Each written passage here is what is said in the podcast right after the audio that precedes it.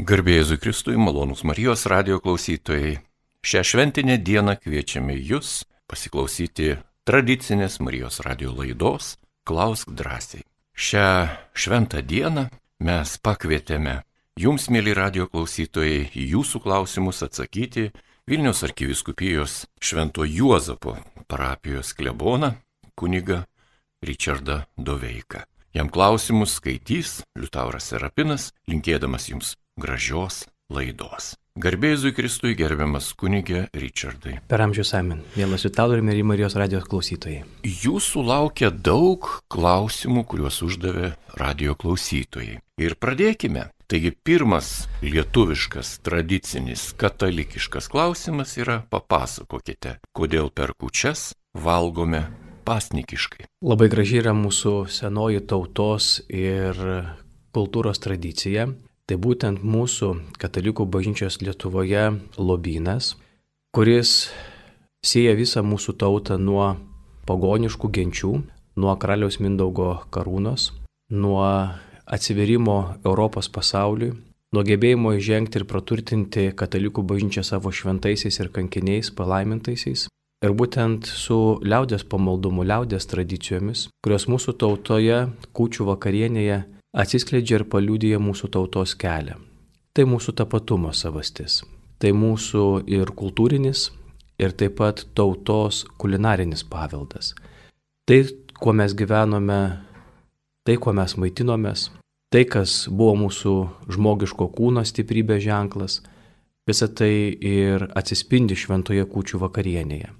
Iš gilaus pamaldumo, iš gilių tradicijų, iš supratimo, kasgi atsitinka Kalėdų naktį katalikas lietuvis išsaugojo per visus šitos šimtmečius susiformavusią ir toliau gyvą išliekančią tradiciją.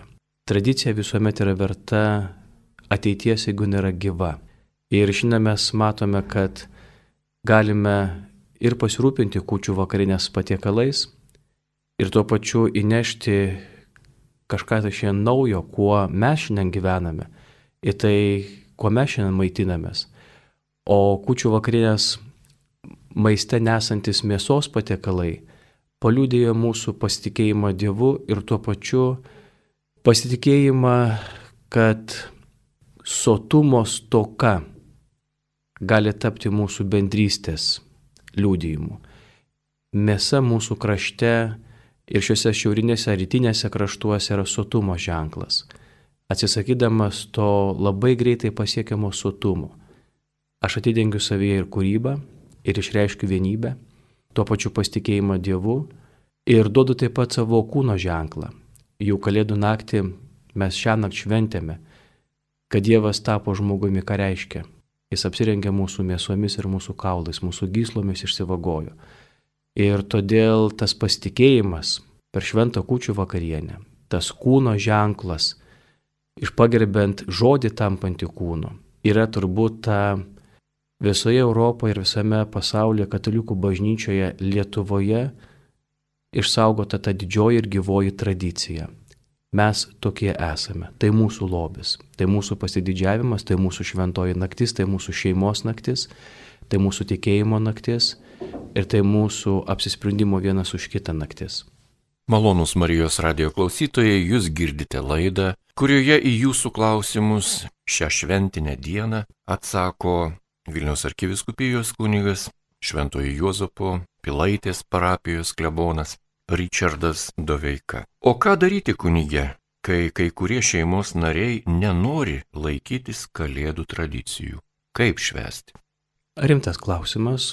Turbūt ir šiandien mes susidurėme su dviejopų kalėdinių švenčių patyrimu.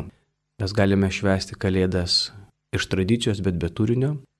Galime švesti Kalėdas kaip vieną iš galimybių ir galime šitą dieną praleisti visai kitaip. Pirmiausia, visi manau, kad sutiksime, jog kūčių vakaras ir Kalėdų diena yra tikėjimo diena. Yra krikščioniško tikėjimo diena. Katalikiško supratimo, kad Dievas tampa žmogumi diena. Ir todėl visi, kurie yra nepraktikuojantis katalikai, Išdien turbūt galbūt pažvelgs daugiau iš tradicijų ir mes matome kad kai kam tai yra tiesiog gražiausia žiemos šventė. Kai kam tai tiesiog šeimos pasibuvimas kartu. Kur šiandien mes irgi matome ir aš tikiuosi, kad galbūt niekada ši tradicija netaps mūsų tautos tradicija, kai iš šeimos kūčių vakarienė, kur yra pati intimiausia metų šeimos patirtis, šeimos susibūrimas prie stalo, yra išnešamas į kavinių restoranų erdves. Aš tikiuosi, kad niekada mes neperžingsime savo šventoje kūčių vakarienėje namus lenkščio ir visuomet liksime atviri kitiems ateiti mūsų namus ir švesti kučias. Tie, kurie nenori švesti arba nešvenčia, kuriems tai, žemė, kuriems tai galbūt yra tik tai žiemos šventė, ką padarysi, jie švenčia žiemos šventę. Pagoniška kultūra švenčia Saulės sugrįžimo, kučių dieną, tampia plūki po miestų gatves. Yra daug būdų, daug būdų praleisti šitą dieną. Bet tas, kuris supranta, kad kūčios yra pirmiausia šeimos susibūrimas, nes Dievas įžengia į šeimą per kūną, Dievas įžengia į šeimą per tėvystę ir motinystę, Dievas parodo kūčių vakare kūdikystę žavesi ir šeimos krypties nuorodą eiti pilnavertiškai gyventi ir būti laimingu žmogumi. Jei yra žmonių, kuriems susibūrimas šeimoje kelia šiandieną daugiau problemų, rūpešių negu džiaugsmo, Gal būtų gerai, kad jie tiesiog ramiai, gražiai praleistų šitas dienas visiškai nesirūpindami religiniais dalykais. Bet jeigu šeimoje mes turime tą pasidalinimą, tai manau, kad mūsų tikinčių žmonių stiprybė ir yra liūdėjimas. Liūdėjimas, kad mes esame Dievo vaikai, kad esame Dievo tauta. Ir jeigu namuose atsiras vienas du žmonės, kurie laikysis tradicijų ir šves kūčią, šves kalėdas, ne tik tai prie stalo namuose, kaip stalo liturgija, ne tik apsikeisdami dovanėlėmis, ne tik šventiškai papuošę savo namus, bet ir peržengdami šventovės lenkščius, dalyvaudami liturgijos šventose mišiuose, priimdami sakramentus, ruošę savo širdį per staikinimo sakramentą kalėdų šventėms, jie ir taps ženklu.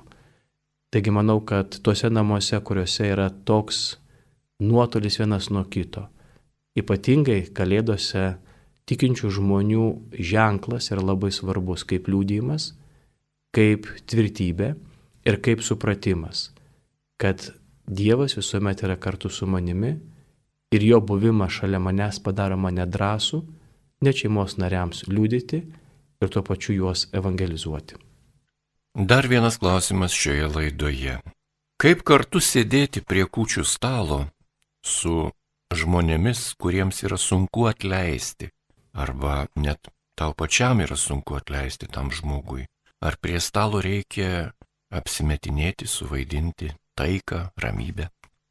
Esu labai giliai įstikinęs, kad kučių vakarienė yra kiekvieno sąmoningo žmogaus adventinio kelio atsidengimas.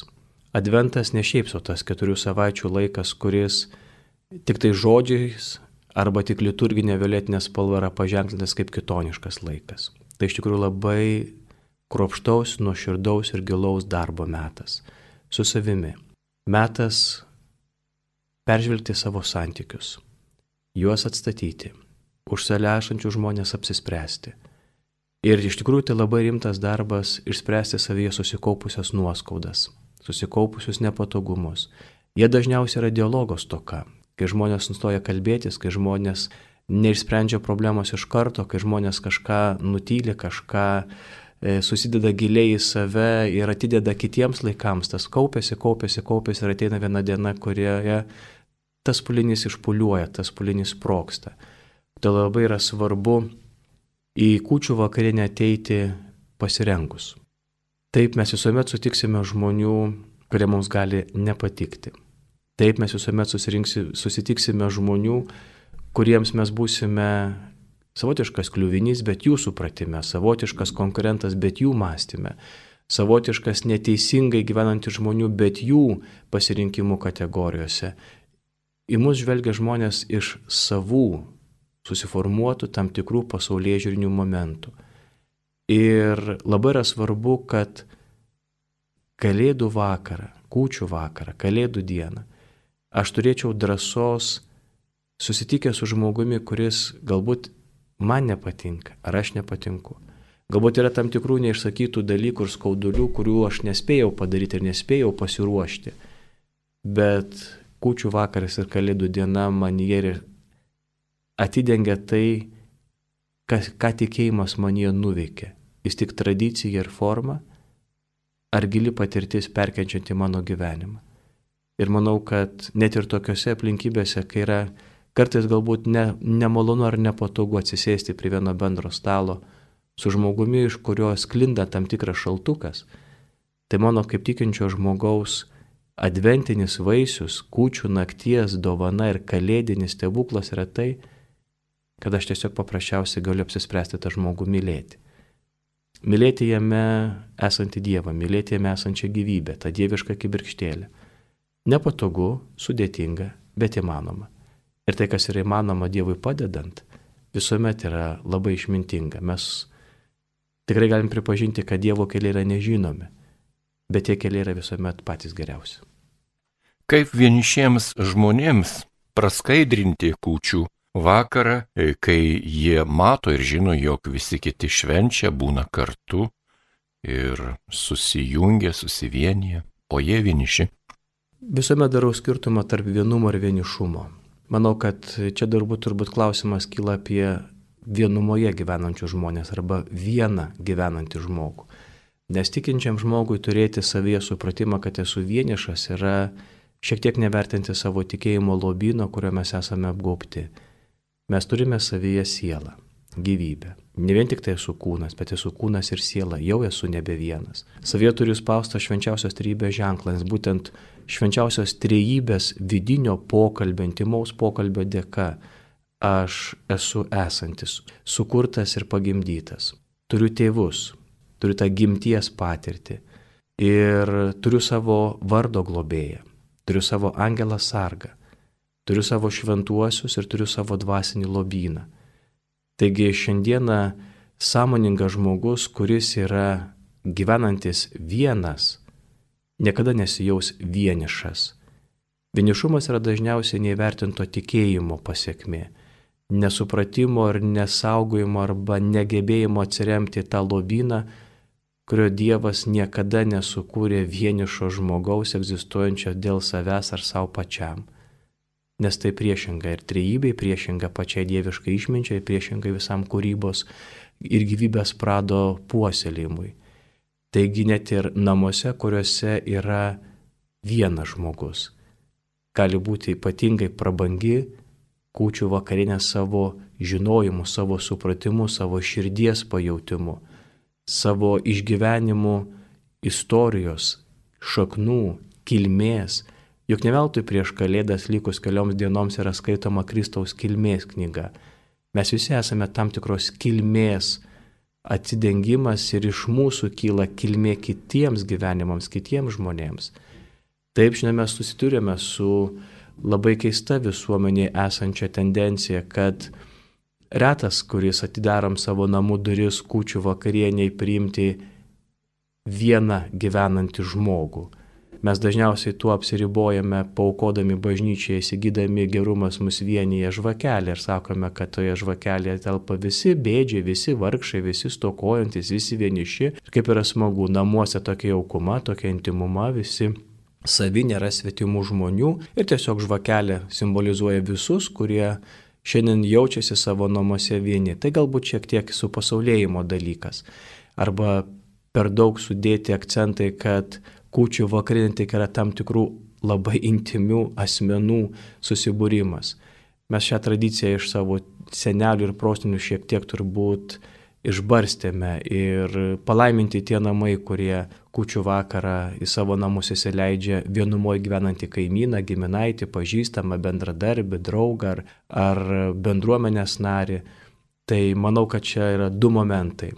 Tikinti žmogus niekada nėra vienišas, nors ir būna vienas kūčių vakarą vienas gyvenantis žmogus gali turėti labai giles, labai nuostabiomis patirtimis paženklintas vakarienės akimirkas ir vienumoje gyvenantis žmogus visuomet bus tas tylus aidas daugeliu šeimų, kurios uždaro savo duris šalia gyvenančiam kaimynui, nes nesudarkytų susirinkusios šeimos ramybės ir intimumo. Ir tam tikras turbūt spraktelėjimas toje žvakelėje, kur gerumas mus vienė tampa tik tai paukoto pinigėlio simbolis, kad prie mano stalo yra labai daug vienišų žmonių, kai kitame bute iš tikrųjų yra vienas gyvenantis žmogus. Kunigė Richardai, o kaip jūs atlaikote tą šventų kūčių dieną, vėliau dvi kalėdų iškilmių dienas, paskui kalėdoti dar reikia vaikščioti po jų namus, juos laiminti, šventinti, kartu sėsti prie stalo, žinoma, jeigu yra sveikatos. Ir toje šventėje jūs esat visą laiką šurmuly, daugybėje žmonių. Ar nesinori pabūti akimirką vienam, tyloj, ramybėje? Nu, kad kiekvieno mūsų kunigo tarnystėje religinių švenčių pasirengimas, jų išgyvenimas yra neatsiemai susijęs su keliais momentais. Tai asmeniniu pasirengimu, ką mes taip pat išgyvenam rekolekcijose ar susikaupimo dienose. Antras momentas - sakramentinis gyvenimas, ką taip pat mes ir kunigai ne tik tai sakome kitiems žmonėms, jūs eikite iš pažinties, jūs pasiruoškite religiniam šventėms, bet ir mes patys tą padarome. Trečias momentas - turime kai kurie dar savo gyvus tėvelius, turime brolius, seseris, giminės, kur irgi norisi ir aplankyti, ir pabūti. Asmeniškai aš visuomet Advento laikotarpį labai džiaugiuosi, kad tenka būti pakviestam į daugelį bendruomenių, daugelį žmonių susibūrimų, tam, kad pajustum, kuo gyvena tavo žmogus, kuriam tu tarnauji, kokie yra jo rūpešiai, ne iš televizijos pranešimų, ne iš laikraščio antraščių, bet iš žmonių gyvenimo tikrovės, kai jie kalba, tada advento laikas skiri klausyti, įsiklausyti, tiesiog padrasinti arba dar kartą visiems vienas kitą sustiprinti, kad mes iš tikrųjų neprarastume to pasirengimo laikotarpio turinio ir dvasios. Kučių dieną visuomet, e, nors ir trumpam vakarėjant, aplankau brolio šeimą, būna mūsų labai trumpa kučių vakarienė, kadangi jau tėvelių nebėra, tai dažniausiai ateinu pas brolio šeimą, mes susirenkam kokią ketvirtą, penktą valandą būtent pabūti kartu, kartu šeimoje pasimelsti, kartu pasidžiaugti, nes vėliau iš karto e, reikia vykti į parapiją. Labai džiaugiuosi, kad laikotarpis, kuris suteikti malonę tarnauti Švento Juozapo parapijoje, ten taip pat susirenkam, kas galime parapijoje tarnaujantis kunigai. E, aš labai džiaugiuosi ir didžiuojuosi, kad būtent parapijos namuose ne žvakutė ant stalo, bet iš tikrųjų keletas, du, trys vieniši žmonės, vienumoj gyvenantys žmonės visuomet yra pakviečiami ir būna kartu kučių vakarienėje. Tai bažnyčiose, parapijos namuose, šalia bažnyčių, e, kučių vakarienė labai dažnai būna paženklinama skambučiais į parapijos duris e, dar paimti kalėdaičių ir tas kalėdaičio ėmimas kučių dieną tęsiasi net ir kunigams parapijos namuose valgant kučias ir, ir tas ėjimas nuo stalo ir patarnavimas žmonėms jis išlieka nenutrūkstamas. E, taip vėliau, kadangi Vilniaus mieste yra didžioji dalis dvikalbių parapijų, tenka vadovauti liturgijai, piemenėlių šventoms mišioms lietuvių ir lenkų kalboms. Ir tas džiaugsmas, nežinau, gal kitiems kitaip, bet man buvimas žmonių, žmonių gausos buvimas visuomet yra ir stiprybė, ir atsipalaidavimas, ir polisis, nors atrodo tu fiziškai pavargsti, bet matydamas žmonių gausą, žmonių šypsenas, žmonių maldas girdėdamas ir visą tai, kas būna parengta per būti parapijoje ir bažnyčioje, tas iš tikrųjų teikia, teikia didelio džiaugsmo kai tarnauji mylėdama žmonės, tas nuovargis būna geras nuovargis. Ir kartai žmonės pamirštam, kad gerą darbą padarius ir gerą darbą darant pavargus yra gerai. Pavargti yra gerai. O Vilniaus mieste kalėdojimas yra pakankamai nelengvas iššūkis ir dažniausiai tai nėra daroma, nes priejus prie daugiabučio namo ir nežinant kodų, net į laiptinę neįeisi. Tai dažniausiai mes darome ligonių lankymą likus savaitę iki kalėdų arba Velykų, tada, kada galime aplankyti senelius, neišinančius iš namų ligonius.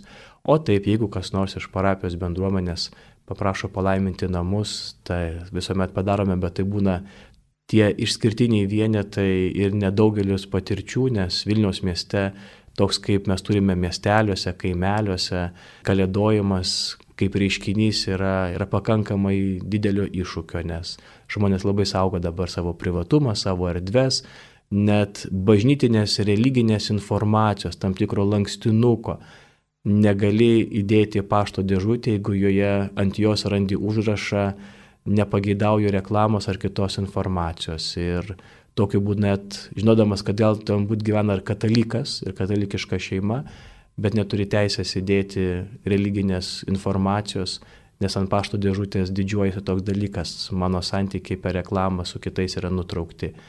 Tai miestuose yra tokie iššūkiai, su kuriais kartais tenka susidurti. O kaip kunigė melstis per kūčias? Visiems kartu ar pavieniui, paliekant kiekvienam, kaip kas nori, kaip kas yra įpratęs, ar tiesiog šį kartą daryti kažkaip išskirtinai kitaip? Šių metų kūčios ir kalėdas, kurias mes švenčiame šiomis dienomis, mano supratimu iš tikrųjų paprašė dalyvauti viso žmogaus, viso asmens. Mes esame po pandemijos, kuri taip pat labai stipriai išdraskė mūsų tarpusavio santykius tautoje iki tokių absurdiškų pareiškimų garsių eliminuoti, nebendrauti, ignoruoti, išmesti, atmesti.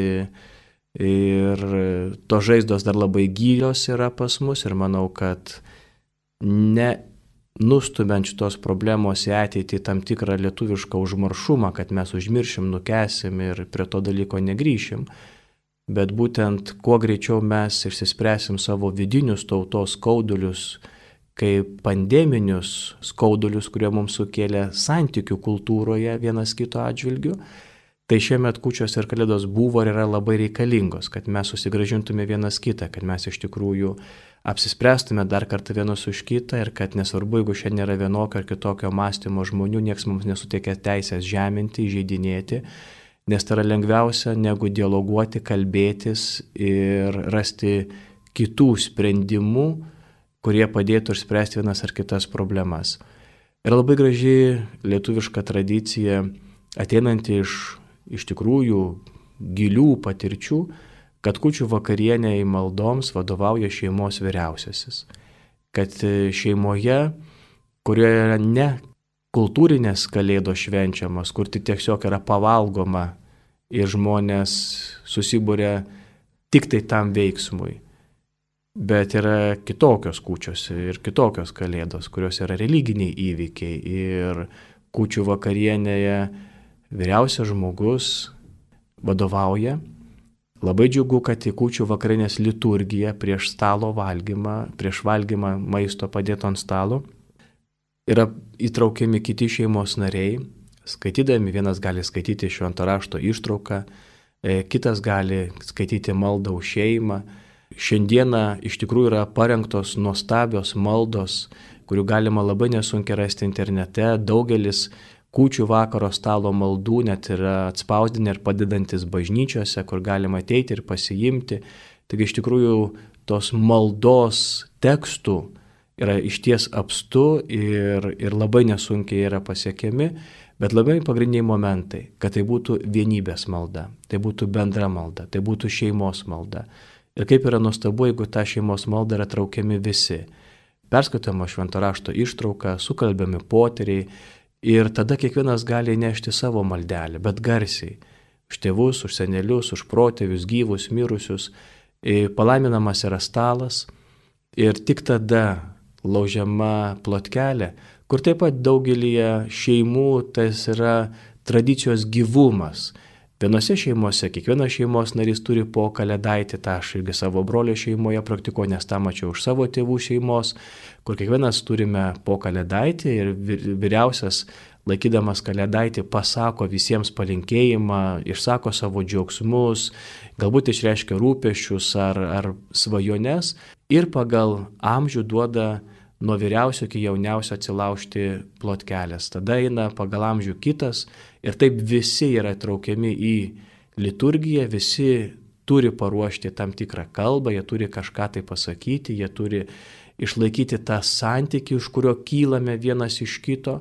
Ir vad būtent taip išgyventa liturgija bendrai maldos e, akimirka leidžia tada sėstis prie stalo ir švęsti antrąją kūčių vakarienės dalį valgymo liturgiją, kurioje mes maitinamės pasninkiškais patiekalais, po maisto liturgijos. Mes keliaujame švęsti liturgijos bažnyčioje, pažvelgti prakartėlę, dalyvauti mišiuose, priimti šventąją komuniją, tai man tie trys momentai kučių vakarienės - maldos, valgymo ir mišių tampa tas vienis, į kurį visi įsitraukia, mes ir išgyvename tą naktį, kurią tikrąją to žodžio prasme pavadiname šventą naktimi. Malonus Marijos radio klausytojai šiandien jūsų klausimus atsako ir dalinasi savo kunigišką patirtimi kunigas Richardas Doveika.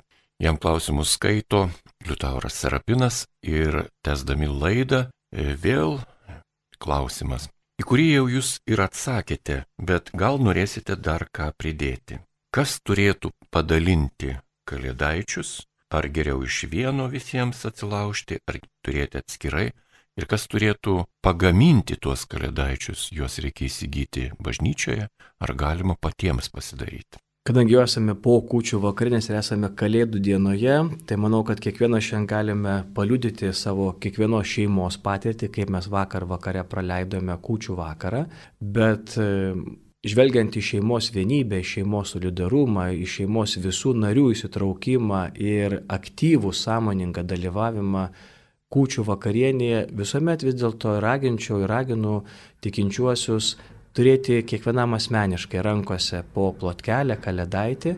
Labai yra gražu suprantant tą savo kilmės knygą, iš ko mes kylame. Pradėti nuo vyriausiojo, kuomet vyriausiasis, vadovaujantis apieigoms šeimoje, duoda jaunesniam atsilaužti kalėdaitį, nuo jo visiems kitiems šeimos nariams Ir taikiu būdu visi šeimos nariai valgantis kučių vakarienę, jie pasako žodį, jie padėkoja, galbūt atsiprašo, išreiškia savo džiaugsmą, pasididžiavimą vienas kitu, nes kučių vakarienė jinai yra šventa savo taip pat neskubėjimu, ne vartojimu, bet išgyvenimu ir patyrimu. Tai manau, kad būtent man asmeniškai tai yra labai gilu, labai sąmoninga, labai priimtina. Ir kalėdaičiai, kuriuos mes įsigijame šventovėje, jie didžiai dalimi yra gaminami vienolynuose arba prie katalikų bažnyčių, ar Lenkijoje, ar Lietuvoje įsikūrusiose būtent tokiuose galimybėse pagaminti, nes yra specialius, specialus keptuvės, specialus techninis dalykas, taip, tai yra tik tai miltai ir vanduo, tai labai, labai yra paprasta, bet tai yra būtent bendruomeniškumo ženklas.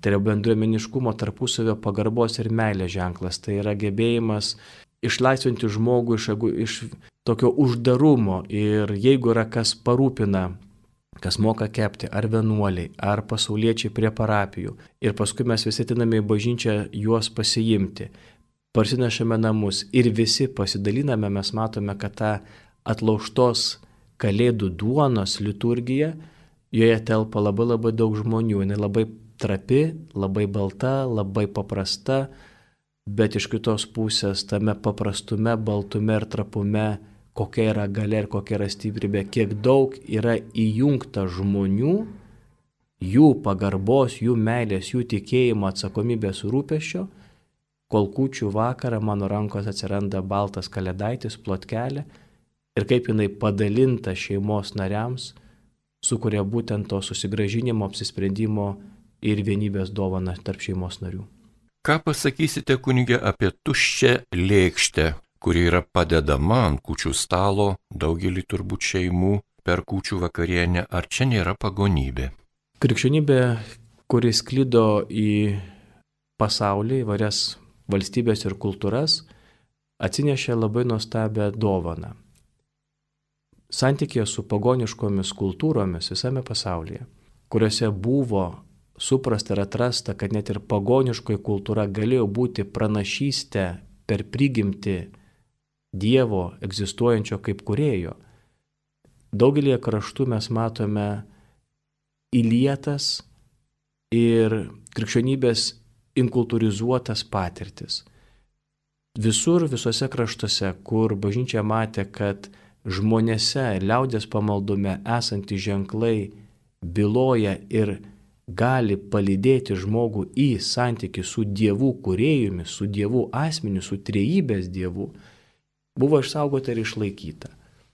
Mes Lietuvoje turime šią tradiciją, kur galėtume turbūt su etnologais kalbėti siekiant į pagoniškus laikus. Ir aš tikrai visiškai su tuo sutinku.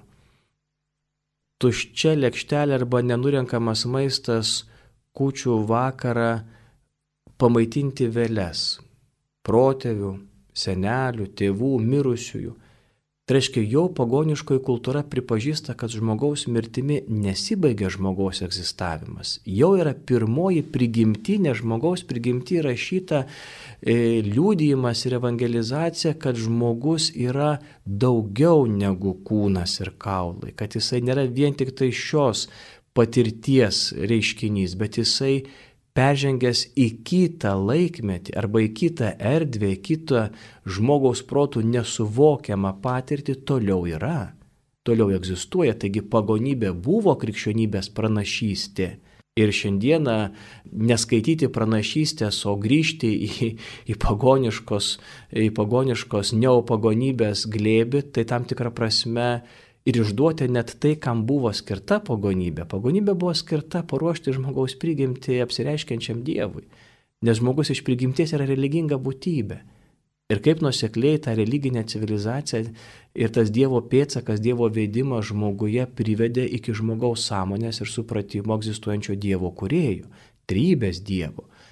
Ta graži sena tradicija, net jeigu jinai ir siekia pagoniškus laikus, kuri mums yra svarbi, bet svarbi turbūt dėl tam tikrų mystinių dalykų, dėl šiandieną pakankamai stipriai akcentuojamų tų visų nematomų dalykų, dvasinių dalykų, ezoterinių dalykų, kur, kur šiek tiek yra galbūt sujauktas mūsų pasaulyje žiūros visas reikalas, nes esame tam tai patirčiai labai jautrus.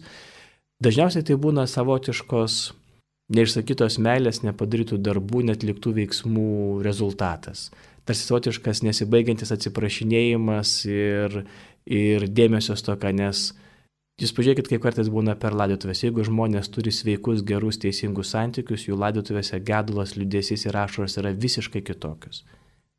Jeigu žmonės turėjo labai nekokius santykius, konfliktinius santykius, laidotuvėse visą laiką bus klyksmas, verksmas, ašaros, e, alpimai ir visi kiti dalykai, nes nes tai yra neišspręstų konfliktų, neišspręstų problemų ir tam tikrų šaltų santykių rezultatas. Tai net ir tai parodo, kaip mes elgiamės per ladotuvę su savo mirusiaisiais, kur yra sveiki šeimos santykiai, kur yra iš tikrųjų žaizdoti, kuriuos, kuriuos bando gydyti per, per tam tikrus veiksmus.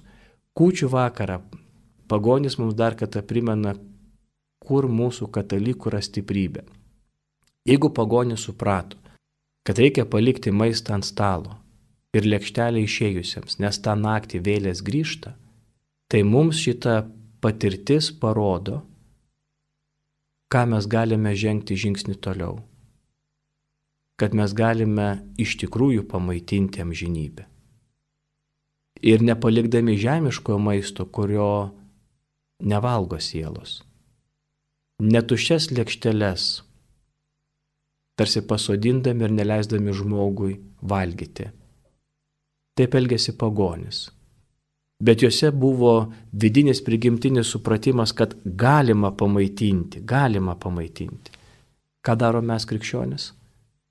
Mes iš tikrųjų Dievo dovanoje pamaitiname amžinybę, priimdami šventąją komuniją, aukojama už mirusiuosius.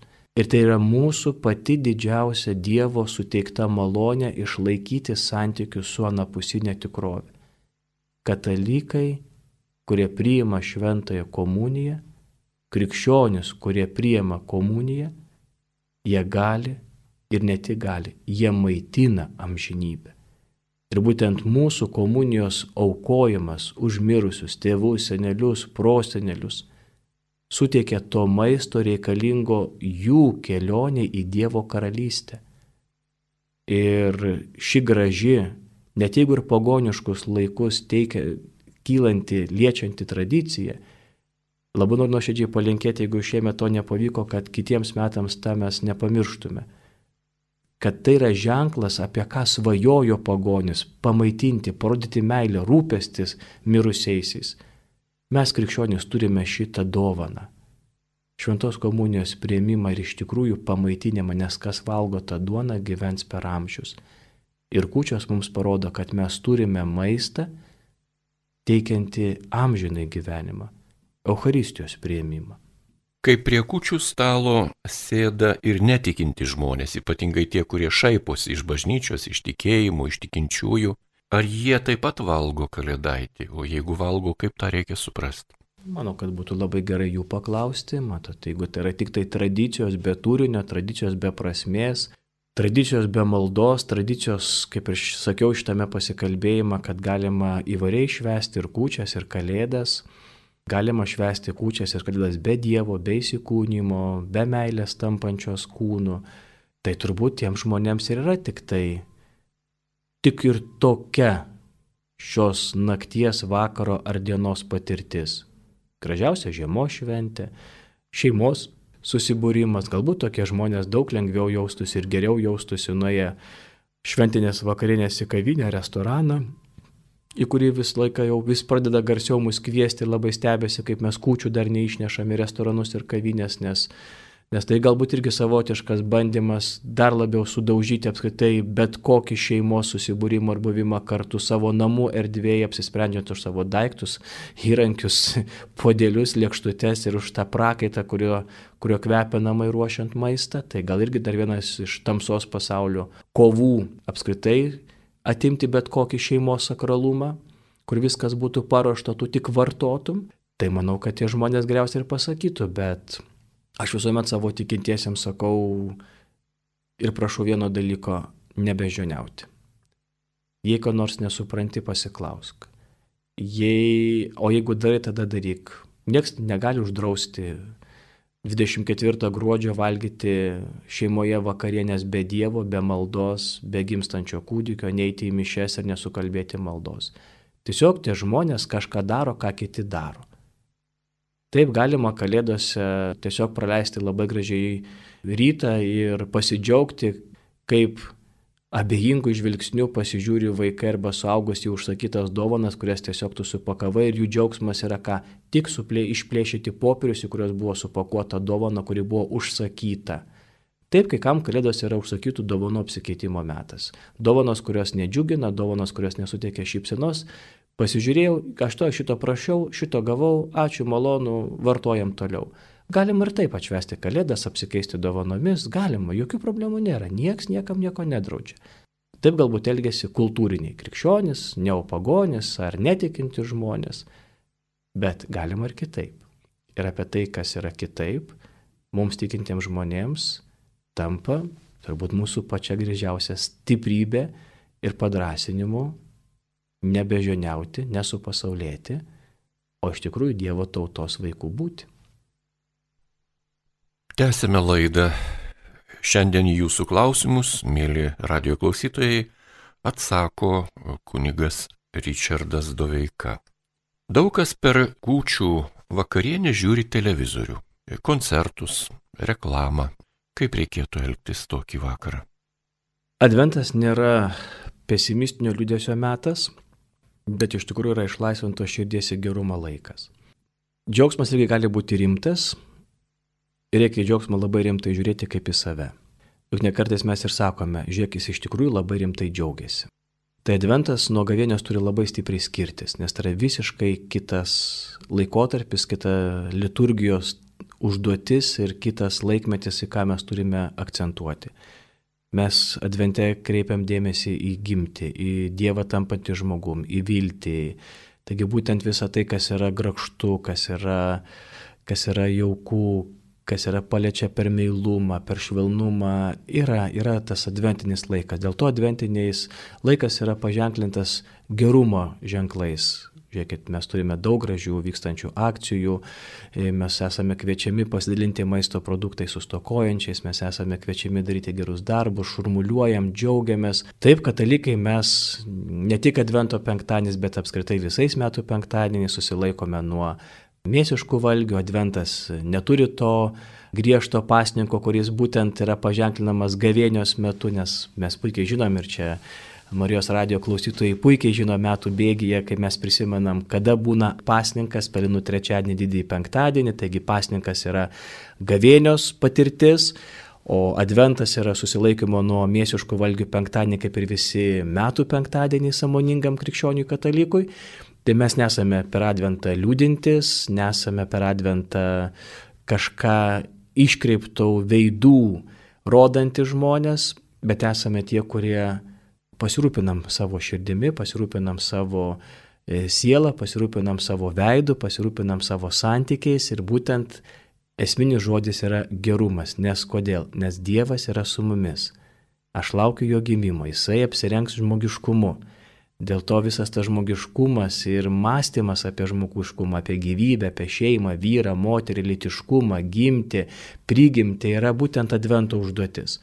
Aš manyčiau, kad kučių vakarą maldos laikotarpiu, maldos laikotarpiu tikrai tiktų likti tik tai šeimos nariams, kad būtų jie kalbantis, jie būtų girdimi ir manau, kad televizijos ar, ar radio momentai, kurie galėtų būti ir turėtų būti apleisti, Bet jeigu kučių vakarą vakarieniaujant, švenčiant valgymo liturgiją, skamba kalėdinės giesmės, arba net ir įjungiamas televizorius, kuris transliuoja, kad ir kokį kučių vakarą ar kokias giesmes, kas tikrai suteikia tą šventinę nuotaiką kaip, kaip iš tikrųjų kaip fonas, nes ne visi namuose mes gėdame arba mokame gėdoti, nes vat kalėdinių giesmių kučių vakarienėje turbūt reta kurioje šeimoje yra išgėdamos šeimos narių giesmės, tai manau, kad po maldos, valgant, kalbantis, tai nėra būtina. Jeigu yra kalbų, jeigu yra ką pasakyti, jeigu yra dėl ko bendrauti, tai manau, kad visi pašaliniai trikdžiai ir liks tik tai trikdžiai, bet jeigu tai prakalbintų, suteiktų žmonėms progą kalbėti, žiūrėti, tuo gerumu dalintis, arba net ir tą gerumą nuo kučių stalo kažkam parodyti, Tai manau, kad viskas tai priklauso nuo, nuo vidinės šeimos sąrangos ir nuo žmonių sąmonės. Kunigė Richardai, jau jūs atsakėte į klausimą apie ant stalo paliekamus valgius nakčiai, bet šis klausimas dar kartojamas ir kartojamas klausytojų. O kaip suprasti 12 patiekalų, kurie galbūt ateina iš šventų Velykų tradicijos? Manau, kad tai yra grinai tik tai liaudės pamaldumo ir liaudė gimusių tradicijų skaičius. Ir labai garsiai akcentuoja 12 patiekalų tie, kurių ir dėmesys yra skirtas į patiekalus, o ne į kalėdų nakties lėpinį. Yra vairiausių mąstymų, kad tai gali būti 12 mėnesių, kad tai gali būti 12 paštalų, nors mes puikiai žinome, kad jų buvo daugiau, nes Po Judo Iskarijoto tragiško likimo jo vietą buvo paskirtas kitas apaštalas, bet iš, nuo Judo nebuvo apaštalo ženklas nuimtas. Paskui mes matome Paulių atrandame, kuris taip pat pavadinamas tautų apaštalu. 2000 e, metų krikščioniškoji patirtis subrandino mums labai nuostabę apaštalę moterį, Marija Magdalietė, kuri yra pavadinama apaštalų apaštalė, taigi tų Žmonių, kurių, prie kurių vardų yra pridedamas tas kilnusis žodis apaštalas yra daugiau negu 12, tai manau, kad yra tik tai graži tradicija, kuri nėra įpareigojanti, tai nėra katalikų bažnyčios mokymo dalis, tai nėra įsakymas ar, ar prievolė, tiesiog yra turbūt tie 12 patiekalų, tas simbolis yra pilnatvės ženklas. Ir jeigu aš esu laisvas nuo skaičiaus, bet mano kūčių vakarinė yra pilnatvės vakarienė. Ten gali būti du ir trys patiekalai. Bet ta pilnatvė bus tai, kad aš išgyvensiu šią vakarą kūčių nakties prasme, kalėdų prasme, Dievo su mumis prasme, artimųjų buvimo iš amžinybės patirties prasme. Tai ta pilnatvė kūčių vakarienės bus tada, kada aš būsiu su malda, su atsiminimu, su prisiminimu, su padrasinimu, kad esu ne vienišas ir kad tikrai net ne vieno kučių vakarą nėra vieno žmogaus, nes kokia kareivyje yra šalia mūsų. Angelai šią naktį mums paskelbs, bėkit, skubėkit į Betlyjų. Mes turim savo mirusiųjų lobyną amžinybėje. mes turime savo giminių, nesvarbu yra, yra ar nėra tie santykiai, bet kilmės knygos, prigimties kraujo ir giminystės ryšiai nepavaldus mūsų bendravimui ar nebendravimui. Dievo trejybės visiškas atsidavimas žmogui per, per gimties lėpinį. Tai šitie visi dalykai turbūt ir suteikia tą nuostabumą šitai nakčiai, kurią visi įžengiam Ir aš lauktai noriu vieno dalyko palinkėti visą tai labai giliai ir asmeniškai patirti. Kaip gelbėti Lietuvą nuo persivalgymo per kučias? Rodos yra ir pasniko metas, bet nuo valgių gausos mes tikrai neatsisakome ir turbūt, kad neatsisakysime. O apsirijimas yra sunki nuodėmė. Ką daryti? Manau, kad atsakymas šitą klausimą labai yra paprastas - nebeždžioniauti ir gyventi sąmoningą gyvenimą. Manau, kad mes turime iš tikrųjų kiekvienas padaryti labai rimtą sąžinę sąskaitą maisto atžvilgių, nes maistas yra valgomas, o ne ryjamas. Ir maisto tikslas yra suteikti sotumą, o ne persivalgymą. Ir iš tikrųjų čia yra taip pat ir būt mūsų atsakomybė santykė su maistu reikalas. Nes jeigu mes žinome, kiek žmonių valgys šį vakarą kučių vakarienę, tai tokiam skaičiu žmonių ir turi būti pagaminta maisto. Maistas kučių vakarienė yra sakralus, jis yra ragaujamas. Ir to net ragavimo po truputėlį, žiūrėkit, koks yra vaisius ir rezultatas - sotumas. Kad būtų žmogus sotus kučių vakaras, mums dar kartą parodo, kad reikia labai nedaug. Bet ką mes darome? Mes susitelkėme kučių vakarą. Mes mėgaujamės maistu. Mes domimės tuo maistu mes ragaujame, mes neskubame. Tai reiškia, kūčių vakarą jau toje antroje dalyje po maldos dalies valgymo liturgijoje mes taip pat esame mokomi teisingo santykio su maistu. Ir su maistu, kuris iš senolė, senovės ateinantis yra kaip grūdinės kultūros ar nemėsiški patiekalai, kur yra mus pasotinantis momentai leidžianti suprasti, kad sotumui nereikia materialinės gausos, bet reikia teisingo santykio. Sotumas yra kylantis iš teisingo santykio. Tai jeigu mes peržengsim, gal kada nors tikiuosi peržengsim, o jei ne, tai turim visi užduoti, galbūt tokių peržengiančių bus labai nedaug, bet jų bus ir jų dabar yra, kai būtent atsakomybė ruošiant kūčių vakarienę bus paženklinta ne išlaidavimu, ne neatsakingų elgesių su maistu, kuris vėliau yra išmetamas ir mes turime šitą sąžinės priekaištą prieš daugelį pasaulį stokojančių žmonių. Mes šimtus tūkstančių tonų gero maisto per metus išmetam. Galbūt vis dar to tai dar puliuoja mumise to stokos laikmečio aidas, kai viskas buvo deficitai, kai viskas buvo sunkiai pasiekiama ar kai reikėjo fiziškai sočiai daug pavalgyti, nes tai buvo prabanga. Mes nepamirškim, kad mūsų senelių ir prosenelių gyvenime tai, ką mes šiandien valgome, kaip valgome ir kiek valgome, jiems tai buvo prabanga. Didžiulė prabanga. Mes esame iš tikrųjų soti visuomenė.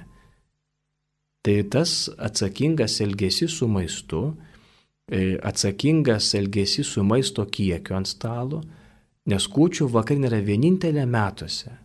Vienintelė metuose. Tai nėra persivalgymo, tai nėra vartojimo vakarienė, tai yra bendrystės vakarienė. Nes kuo yra mažiau, tuo tampa daugiau.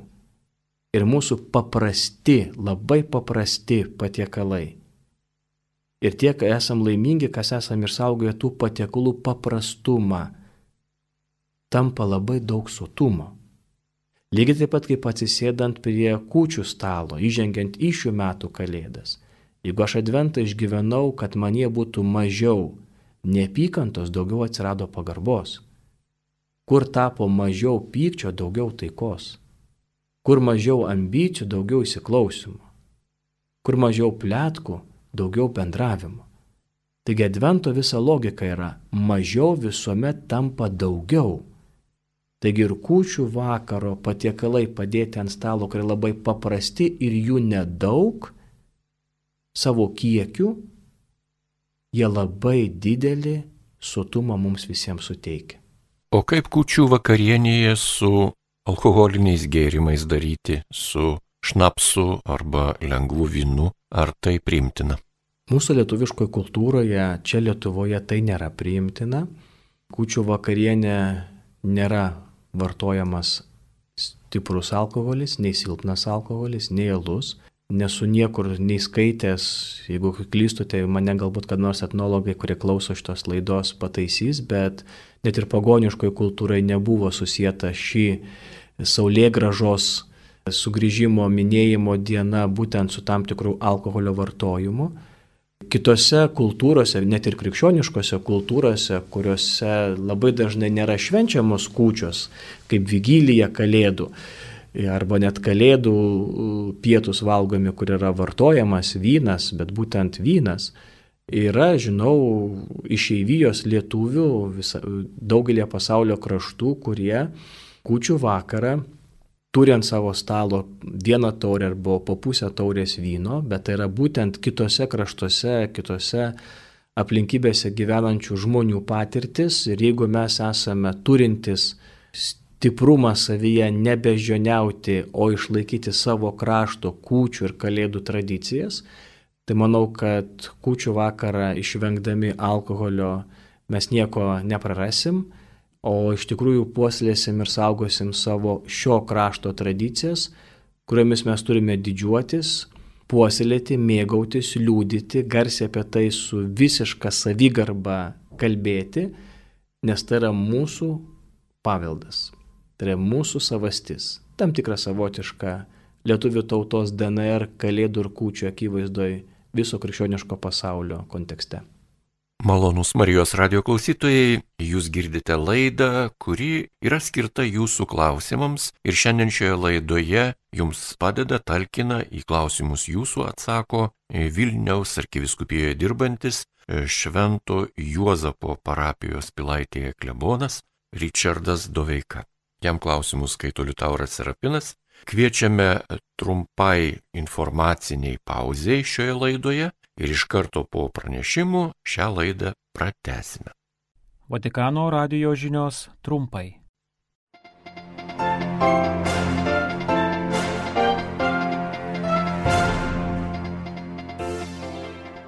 Popiežiaus išmaldininkas, nugabenęs į Ukrainą dar vieną humanitarinės pagalbos siuntą, Kalėdas šves Kyivę. Mums kalėdos kiekviena diena, nes nežinome, kas laukia rytoj, pasakė apaštališkasis nuncijus Ukrainoje arkivyskupas Visvaldas Kulbokas. Tezė bendruomenės vadovas nuvyko į Ukrainą, Lvive vyks naujametinis Ukrainos jaunimo susitikimas. Slovenijos vyskupai paskelbė pareiškimą dėl kunigo Rupniko, kaltinamo seserų vienuolių seksualiniu išnaudojimu. Telefoninis draugas - iniciatyva Italijoje siekiant padėti per Kalėdas vienišiems žmonėms. Nuo kada švenčiame Kalėdas? Trumpa Kristaus gimimo liturginės šventės istorija.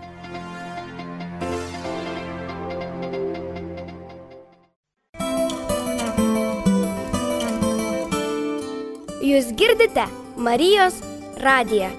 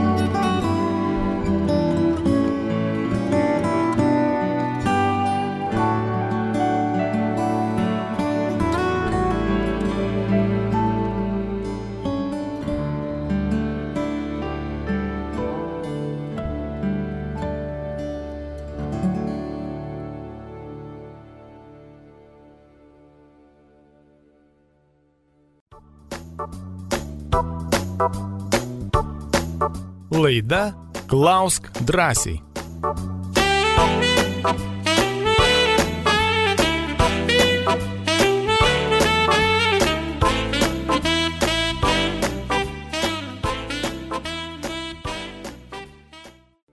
Tęsime laidą.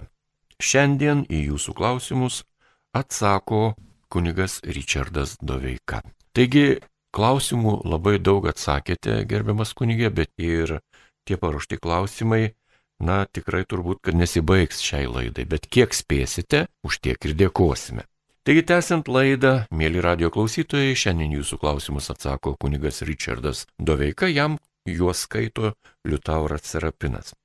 Ką pasakysite apie burtus kūčių vakarą, kai vaikai žaidžia, moteris žaidžia, visi kiti žaidžia, traukia šiaudą ir visokius vaškus pilsto ir taip toliau ir taip toliau. Ar tai tinka? Daugelį šeimų tai yra taip pat egzistuojanti ir esanti patirtis. Ir aš labai džiaugiuosi, kad net ir bendraujant su etnologais, su profesoriumi Limartu Klimka, mes suradom labai bendrą sutarimą kad būtent tai žodis burt yra visiškai netinkamas žodis, nes jis neturi savo turinio, nes net ir pagoniškoje patirtyje tas sakralumas pagoniško apieigų yra nutrūkęs ir yra dingęs, nes na, neturime tokios patirties. Daugybė šimtmečių šitame krašte Tai žvelgti į tai, ką jūs pavadinote žodį burtas arba klausimas, kurį klausytojai užduoda vakarienėje metu esantis burtai, tai iš tikrųjų nėra jokie burtai, juos mes galime žvelgti tiesiog į vieną labai paprastą išsireiškimą - liaudės stalo žaidimai. Tai yra žaidimai. Žaidimai, kurie nieko neturi savyje, jokio sakralumo, neturi savyje jokių mystikų, neturi savyje jokių liturginių momentų, aukojimų ar, ar kažkokio tai garbinimo. Tiesiog tai lietuviai, kurie po sunkių vasaros darbų, po rudens darbų, giliai išgyvenę adventą, iš tikrųjų giliai išgyvenę adventą, turėdami visuomet tam tikrą stoką ir taupimą maisto ir vartojimo, ruoždamiesi kalėdų nakčiai, liturgijai, mišioms, papuošė savo namus kučių dieną, kada visi šeimos nariai turėjo savo pareigą, savo atsakomybę, savo įsipareigojimą, nes tai ir yra šeima, kai visi turi savo atsakomybės, visi turi savo pareigas Visi turi savo įsipareigojimus tiek nuo saugus, tiek baigiant vaikais. Ir tas vat, būtent e, unikalus lietuvio šeimos santykių, vidinių santykių paveikslas yra labai džiugus jį prisiminti ir, ir apie tai šiandien kalbėtis. Leidė pasimelsti, švesti valgymo liturgiją ir stalo žaidimus, tai būtent juos ir reikia žiūrėti. Kaip į paprastus stalo žaidimus. Nes ar tai būtų šiaudo ištraukimas, ar tai būtų kučiukų traukimas, ar ten būtų laukia išėjus tvaros apsikabinimas, ar, ar nunešto šieno gyvuliams padavimas, ką darydavo ir galbūt dar daro ūkininkai, kurie Lietuvoje augina, augina gyvulius. Tai tiesiog parodo pagarbą gamtai, pagarbą supančiai aplinkai Tai dar kartą išreiškia santykio būtinumą, nes gamta mus maitina ir mes turime atsakingai elgti su gamta ir mylėti gamtą, rūpintis net ir tais gyvūnais, kurie savimi toliau mus maitina, o tie užstalės gražų žaidimai būtent ir paliūdija, kad mes būdami kartu, turėdami Dievą savo gyvenime ir svajodami apie savo ateitį, mes atsakingai galime ateitį paversti dabartim ir kasdienybę. Nes mes katalikai turime ateitį ne iliuzinę, bet mūsų ateitis yra Jėzus Kristus ir mūsų gyvenimo likimas nėra būti išbarstytiems pelenais pavėjui, bet mūsų ateities likimas yra gyvenimas be pabaigos. Ir būtent kūčių stalo arba kūčių vakaro žaidimai tai ir parodo, tai liūdija ir asmeniškai nieko nematau blogo, tai ne halovininiai šetono garbinimo momentai, kurie labai keista, bet kažkaip vis dažniau įgauna mumise savo vietą ir savo tamsą ir tą tamsos gelonį paskleidžia įgelį ir sužeidžia daug žmonių. O kaip sveikinti šią dieną? Ta pati para ir kūčios ir šventos kalėdos. Tai sveikinti su šventomis kalėdomis ar galima sveikinti ir su šventomis kūčiomis? Manau, kad visuomet sveikinti yra gerai. Kiekvienas kartą, kai mes susitinkame, mes pasakome labą dieną, sveikas, garbėzui Kristui, malonu matyti, tai yra dėmesys. Ir manau, kad jeigu kūčių dieną mes galime sveikinti vienas kitą, sveiki sulaukę kūčių dienos, su turiniu, šeimos. Aš sveikinu, kad tu turi santykius, sveikinu, kad tu turi savo gyvenime žmogų, sveikinu, kad tu sulaukiai šitos dienos. Tai būtent ir suteikia tam grožiui. Manau, kad ir kūčių dieną, sveikindami vienas kitą su artėjančiomis kalėdomis arba su kūdikio gimimu šią naktį, mes pradžiuginsime viens kitą, mes suteiksime unikalumą šitai dienai Ir tuo pačiu patys suprasime, kokį turinį atnešame šitą dieną. Tai manau, kad ar mes pasveikinsime su kūčiomis, ar mes pasveikinsime su kalėdų išvakarėmis, su švenčių išvakarėmis, mes esame įžengę į šitą unikalią šiandien kūčių dieną, kurioje atgręžtas veidas, pasakytas geras žodis ir pasveikinimas kūčių proga, palinkėjimas skalsos, ramybės, taikos šeimai ar su kalėdų išvakarėm, nes būtent į šeimą ir per šeimą ateina Dievas tapdamas žmogumi, yra, yra mūsų turtas, mūsų lobis ir mūsų liūdėjimas aplinkoj, kuriom, kuriai ši diena tiesiog yra laisvalaikio ar polisio diena. Per šventes yra įprasta aplankyti giminės, artimuosius, draugus, pažįstamus ir ką daryti, jeigu nenoriu lankyti tų giminaičių ir kaip man iškesti, sukasti dantis ir patilėti, čia turbūt jaunuolių, paauglių klausimai. Nieko nėra privaloma šitame gyvenime. Ir aš labai džiaugiuosi, kad ir labai graži tradicija pirmąją kalėdų dieną visuomet likti namuose. Tai yra būti tik savo šeimos rate, nes ir senovėje mūsų lietuviai, katalikai lankydavo draugus, pažįstamus giminės nuo antros kalėdų dienos. Pirma kalėdų diena yra šventa diena, jinai yra šeimos diena, yra liturgijos diena, bažnyčios diena, pietų šventinių šeimos diena, dar tas džiaugsmas savo šeimoje su savo pačiais brangiausiais žmonėmis. Kaip būtų gerai, jeigu mes savo sąmonė ir savo elgesyje žodį pareigą perkeistume į žodį meilę. Ir jeigu aš nenoriu kažko aplankyti, tai geras klausimas, kodėl. Kas yra atsitikę mūsų santykiuose, kad net tokią dieną, džiaugsmo dieną, aš nenoriu lankyti. Jeigu tai yra tiesiog tik tai pareiga, jeigu su žmogumi aš visus metus mažai bendravau, jeigu aš turiu kažkokių tai nuoskaudų dar neišspręstų, ką mes šitoj laidoje kalbėjom, neparuošiau savęs šitom šventėms, dar vis man yra, esu kelyje į atleidimą arba kelyje atsiprašymą, tai manau, kad e, šventinis palinkėjimas ar net malda sukalbėta tam žmogui, o ne fizinis sustikimas duotų daugiau naudos. Taigi tas privaloma labai keistas žodis skamba, jeigu jūs litarui sakėt, kad tai gal net ir jaunimo klausimas, tai Tai būtų vienaip, bet iš kitos pusės galbūt net ir pareiga. Jeigu yra viskas teisinga, tvarkingi dalykai, bet aš nenoriu skirti savo laiko, kai laukia draugai, vakarėliai, kavinutės, naktiniai klubai ir, ir yra smagus diskotekų vakaras, o reikia aplankyti močiutę, kuri vėl klausinės, kodėl nebuvai bažnyčia, ar tu vaikeli vėl kažką padarai.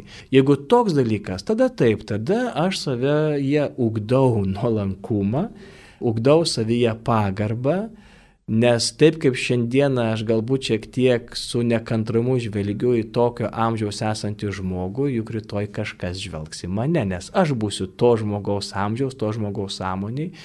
Ir taip pat man labai rūpės e, kiti mano aplinko žmonės, kaip jie gyvena, kuo jie elgesi. Tai manau, kad čia liutorė galbūt klausimas iš dviejų dalių. Pirmas dalykas, kai yra problemos, tai tada taip geriau ir rasti kitą būdą prie to žmogaus prisiliesti švenčių progą Bet jeigu tai yra vien tik tai pasirinkimas tarp šelpsmo ir pareigos, tai manau, kad ta antroji kalėdų diena tarnystės pareigai, tarnystės kilmės knygai, tarnystės giminės santykiams, jinai, jinai vis dėlto turėtų užimti tam tikrą vietą mūsų elgsenoje ir šitų dienų tapti turiniu.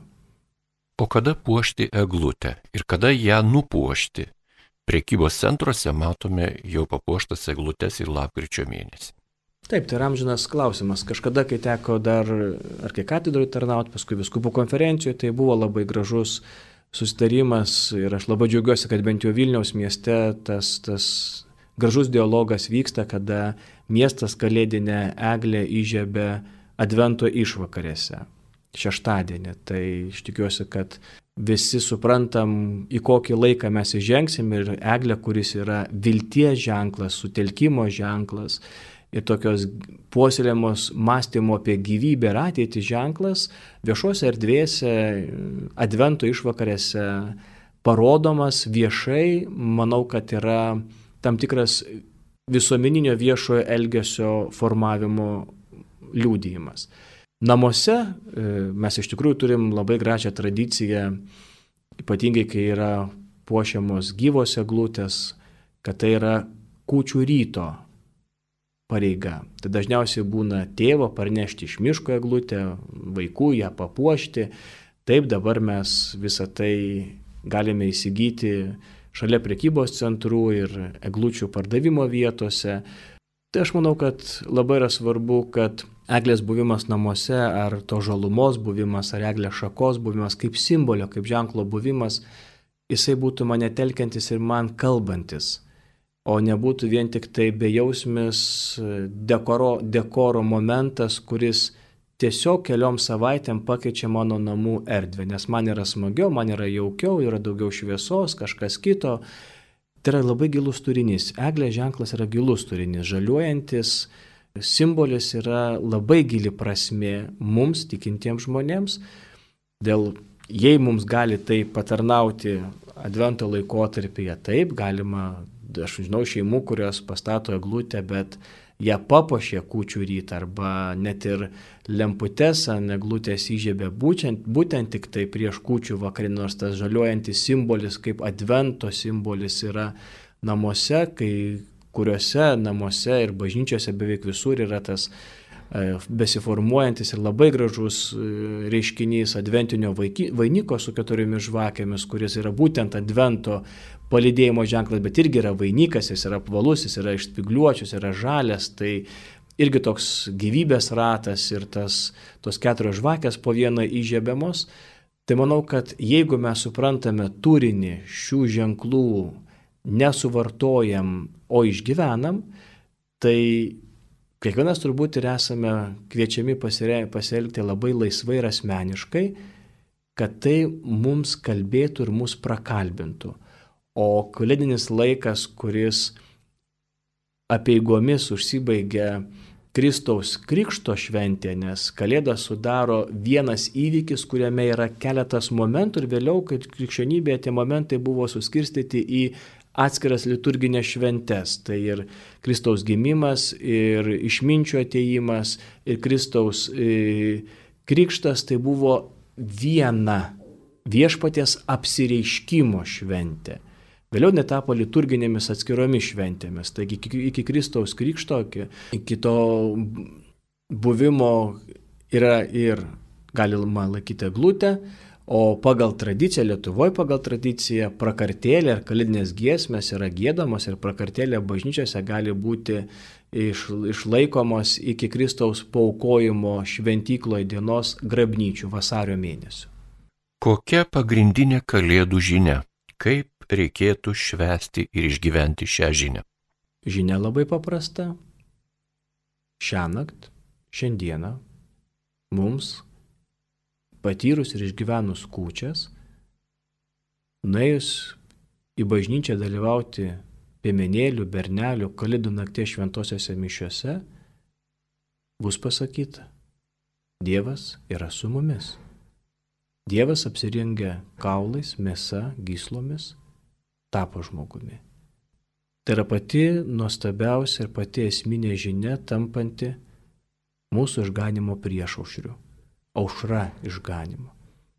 Dievas tampa žmogumi, meilė pasilenkia prie mylimojo, amžinybė įžengia į laikinumą, kad dar kartą parodytų žmogaus egzistencijos esminę vietą - gyvenimas be pabaigos. Taigi Kalėdos visuomet talpina artėjančių Velykų pasiruošimo momentą. Ir kai aš suprantu, kad Emanuelis Dievas yra su mumis, jei mano gyvenime iš tikrųjų yra Dievas su mumis, jis yra mano ir prieglauda, ir stiprybė. Ir Dievui tada aš suprantu, kad mano gyvenime nėra negalimų dalykų. Aš atveriu savo gyvenimą šitam Dievo veikimui, pasitikiu, suprasdamas, kad mano gyvenime patiriami ir skausmai, ir džiaugsmai, netektis ir turėjimai, stoka ir pilnatvė, formuojanti mano gyvenimo istoriją su nežinomais Dievo keliais, bet juos pasirinkus, jie tampa geriausiais gyvenimo sprendimais ir geriausiais gyvenimo keliais. Per šventes arba prieš jas yra siunčiama daug atvirukų, pasveikinimų, linkėjimų, bet tie linkėjimai tai toks formalumas. Kodėl tai yra daroma? Manau, kad į šitą klausimą turėtų atsakyti tas žmogus, kuris jį uždavė, ar jam atviruko rašymas, net žinutės mobiliajame telefone parašymas yra pareiga, formalumas ir duoklė, ar dėmesys, meilė ir pagarba. Žmogaus širdis, manau, kad viską čia nusprendžia. Ir labai yra džiugu, kad mes dar turime šią tradiciją parašyti laišką, parašyti atviruką. Taip, mes galime ilgai turbūt diskutuoti ir svarstyti, ką reiškia atplėšus voką rasti anoniminį sveikinimą, be adresato. Taip galbūt kartais daro didelės įmonės, ar, ar, ar, ar mes turbūt visi esame gavę gavę atviruko, kuriame net nėra užrašytas adresatas ir net nepasirašo ranka, tiesiog yra atspausdinta, kas tave sveikina. Tai manau, kad tie, kurie mes įnešam savo rankos indėlį, ranka užrašom vardą arba ranka pasirašom, o ne tik atspausdinam, tas parodo mano asmeniškumą ar mano dėmesį tam žmogui, kurį noriu pasveikinti. Sveikinimas visuomet yra apsisprendimas ir linkėjimas. O jeigu yra tarp mūsų žmonių, kurie daro skirtumą tarp gyventi, elgtis ir formaliai pasveikinti, tai turbūt taip mes tada ir turime, kad tiesiog tai tampa neįpareigojančių mandagumu ir forma, bet vėlgi, kaip šitą laidą ne vieną kartą sakiau, be turinio ir be prasmės. Tai gal tada, jeigu tau yra formulumas, tai nei tu rašyk, nei tu siūsk, nei tu varginkis, nei tu išlaidauk nes tas žmogus tau nieko ir nereiškia. Bet jeigu tu nori parodyti pagarbą, dėmesį ir paliūdyti savo tikėjimą, kai mes katalikai siunčiame sveikinimus, kuriuose spindi žodžiai Dievas, gyvenimas, kūdikis, ateitis, palaiminimas. Ir jeigu katalikas, žinoma, per rašytinę sveikinimo formą gali nusiųsti palaiminimą, priminimą Dievo, priminimą santykio tiems, kuriems artimi ir brangų žmonės, tai viena iš nuostabiausių evangelizavimo formų. Tai tik žmogaus širdis gali pasakyti, tu šiemet rašiai atvirukus, ar šiandien šią naktį parašysi SMS žinutę telefone. Jis bus asmeniška pagarba ir dėmesys, dėkingumas žmogui už santyki, ar formalumas nukopijuotas, kažkieno atsiųstas sveikinimas gražiai sudėliotas tampa tiesiog padaugintų telefone abonentų adresatams ir tu džiaugsies, kad aš jums parodžiau dėmesį. Anonimišką, ne savo žodžių, be maldos, be iš tikrųjų prisiminimo tų žmonių, bet kaip yra smagu, pas juos telefonuose atsirado mano žinutė. Tai tada manau, kad ir nereikėtų. Kiekviena žinutė, kiekvienas kalėdinis sveikinimas, kiekviena užrašyta atvirutė, Kiekvienas skambutis telefonu, kiekvienas parašytas laiškas, kuris yra padarytas iš širdies ir su meile, yra mūsų Evangelijos kelias į to žmogaus gyvenimą. Nes kalėdose mes sakome, sveiki sulaukę šventų kalėdų. Mes sakome, sveiki sulaukę Dievo esančio su mumis. Sveiki sulaukę Dievo mes kartu įveiksime visus iššūkius. Sveiki sulaukę darnos, santarvės, taikos, vienybės. Mes kartu vėl galėsime susitelkti mūsų laukiančiams ir džiaugsmams išgyventi, ir iššūkiams išspręsti. Malonus Marijos radio klausytojai, jūs girdite laidą, kurioje į jūsų klausimus, paruoštus iš anksto, atsako kunigas Richardas Doveika. Klausimus skaito Liutauras Serapinas ir mes tęsėme laidą. Jau į labai daug klausimų atsakėte ir šie klausimai šią dieną yra būtent susijęs su kūčių vakaro tema ir šventų kalėdų iškilme. Ir norisi klausti taip, kaip prašo Marijos radio klausytojai toliau. Gyvenu globos namuose. Turbūt niekas manęs neplankys. Labai liūdna. Kodėl Dievas leidžia taip vargti? Kaip aš galiu patikėti jo gerumu?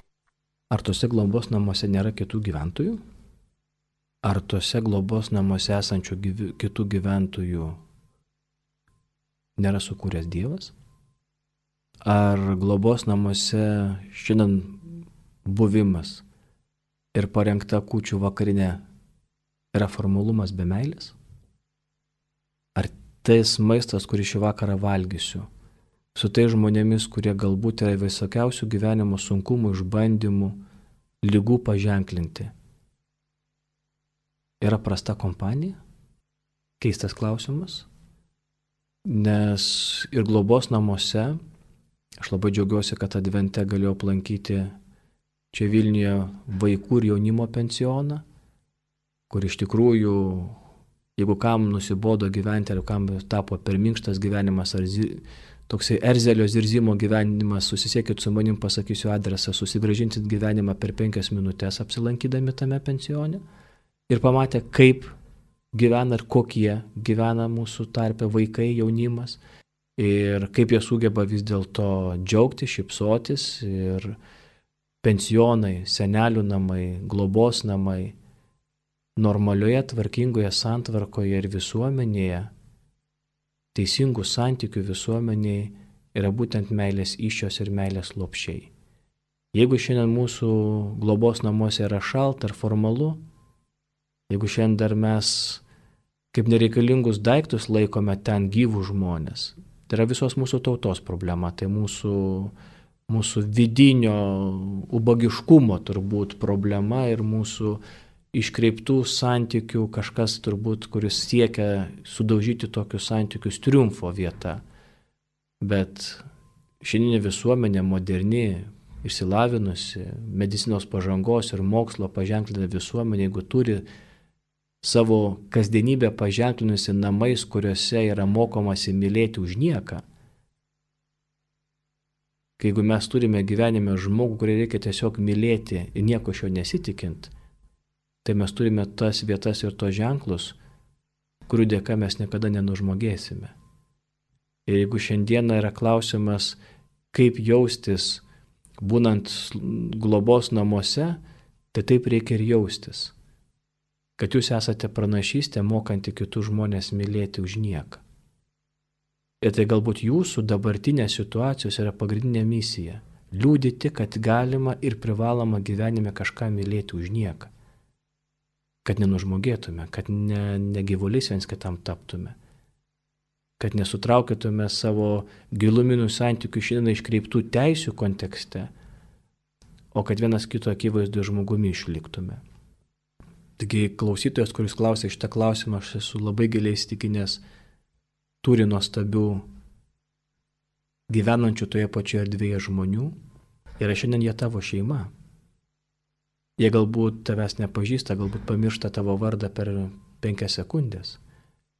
Galbūt juos reikės pamatyti šiandien su šaukšto, galbūt tiesiog atneš kažkas ir padės maisto lėkštę ir net nepamaitins, kai mes žinome net ir tokių patirčių globos namuose arba, arba slaugos namuose, kur, kur tokiu būdu dar yra labiau pasityčiojama iš tų žmonių, nes žmogus, kuris negali pats pasimaitinti, jam atnešama lėkštė padedama ir paskui ateinama, tai šiandien nepatiko, nevalgė. Tai ir mes turim tokius getus ir turim taip, dėja dar šiandien turim savo visuomenį tokių vietų, kur ten labai greitai jam žinybė iškeliauja žmonės, nes padėtas maistas ir nepaduota ranka jam priimti, tai irgi tam tikro ciniškumo ženklas, bet yra mūsų irgi visuomenės žaizda, kurią mes dar turime.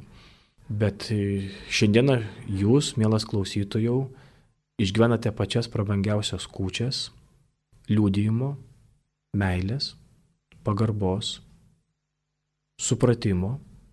Ir aš lab, su labai giliai įstikinęs, kad šiandieną visose bažnyčiose, kur kiekvieną sekmadienį Dievo tauta susirinkusi, meldžiasi už įvairiausius nepatogumus, iššūkius, išbandymus ir gyvenimo sunkumus patiriančių žmonės, tai jūs negalite jaustis vienišas, nes milijonai tikinčiųjų šią naktį bažnyčiose melstis už jūs.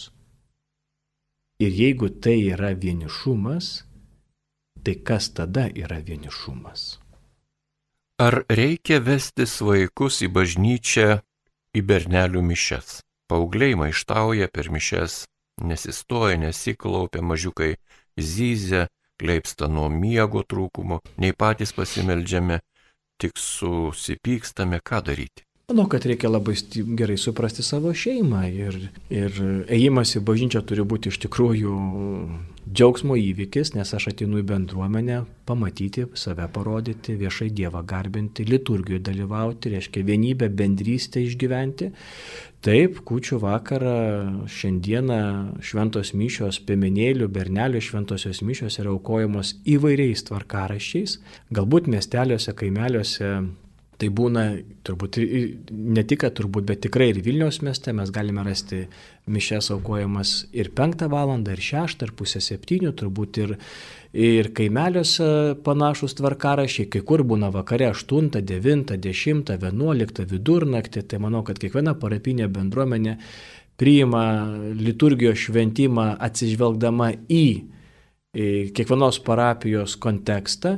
Yra parapijų, kuriuose piemenėlių šventosios mišios yra aukojamas kalėdų rytą, ankstyvosios mišios, kada žmonėms yra patogiau ne kučių vakarą, bet kalėdų rytą susirinkti ir, ir švesti piemenėlių bernelių šventasias mišes. Tai esame iš tikrųjų šiandieną tų galimybių apstu ir tada tiesiog atsižvelgiant į savo šeimos situaciją, jeigu yra parapijoje, kurioje jūs priklausote, šventos mišios aukojamos valandomis, kada įprastai jūsų vaikai jau yra guldomi ir eina miegoti, tai jeigu kažkas iš suaugusių gali likti su vaikais ir kiti šeimos nariai dalyvauti Kalėdų nakties mišiuose, yra puikus sprendimas.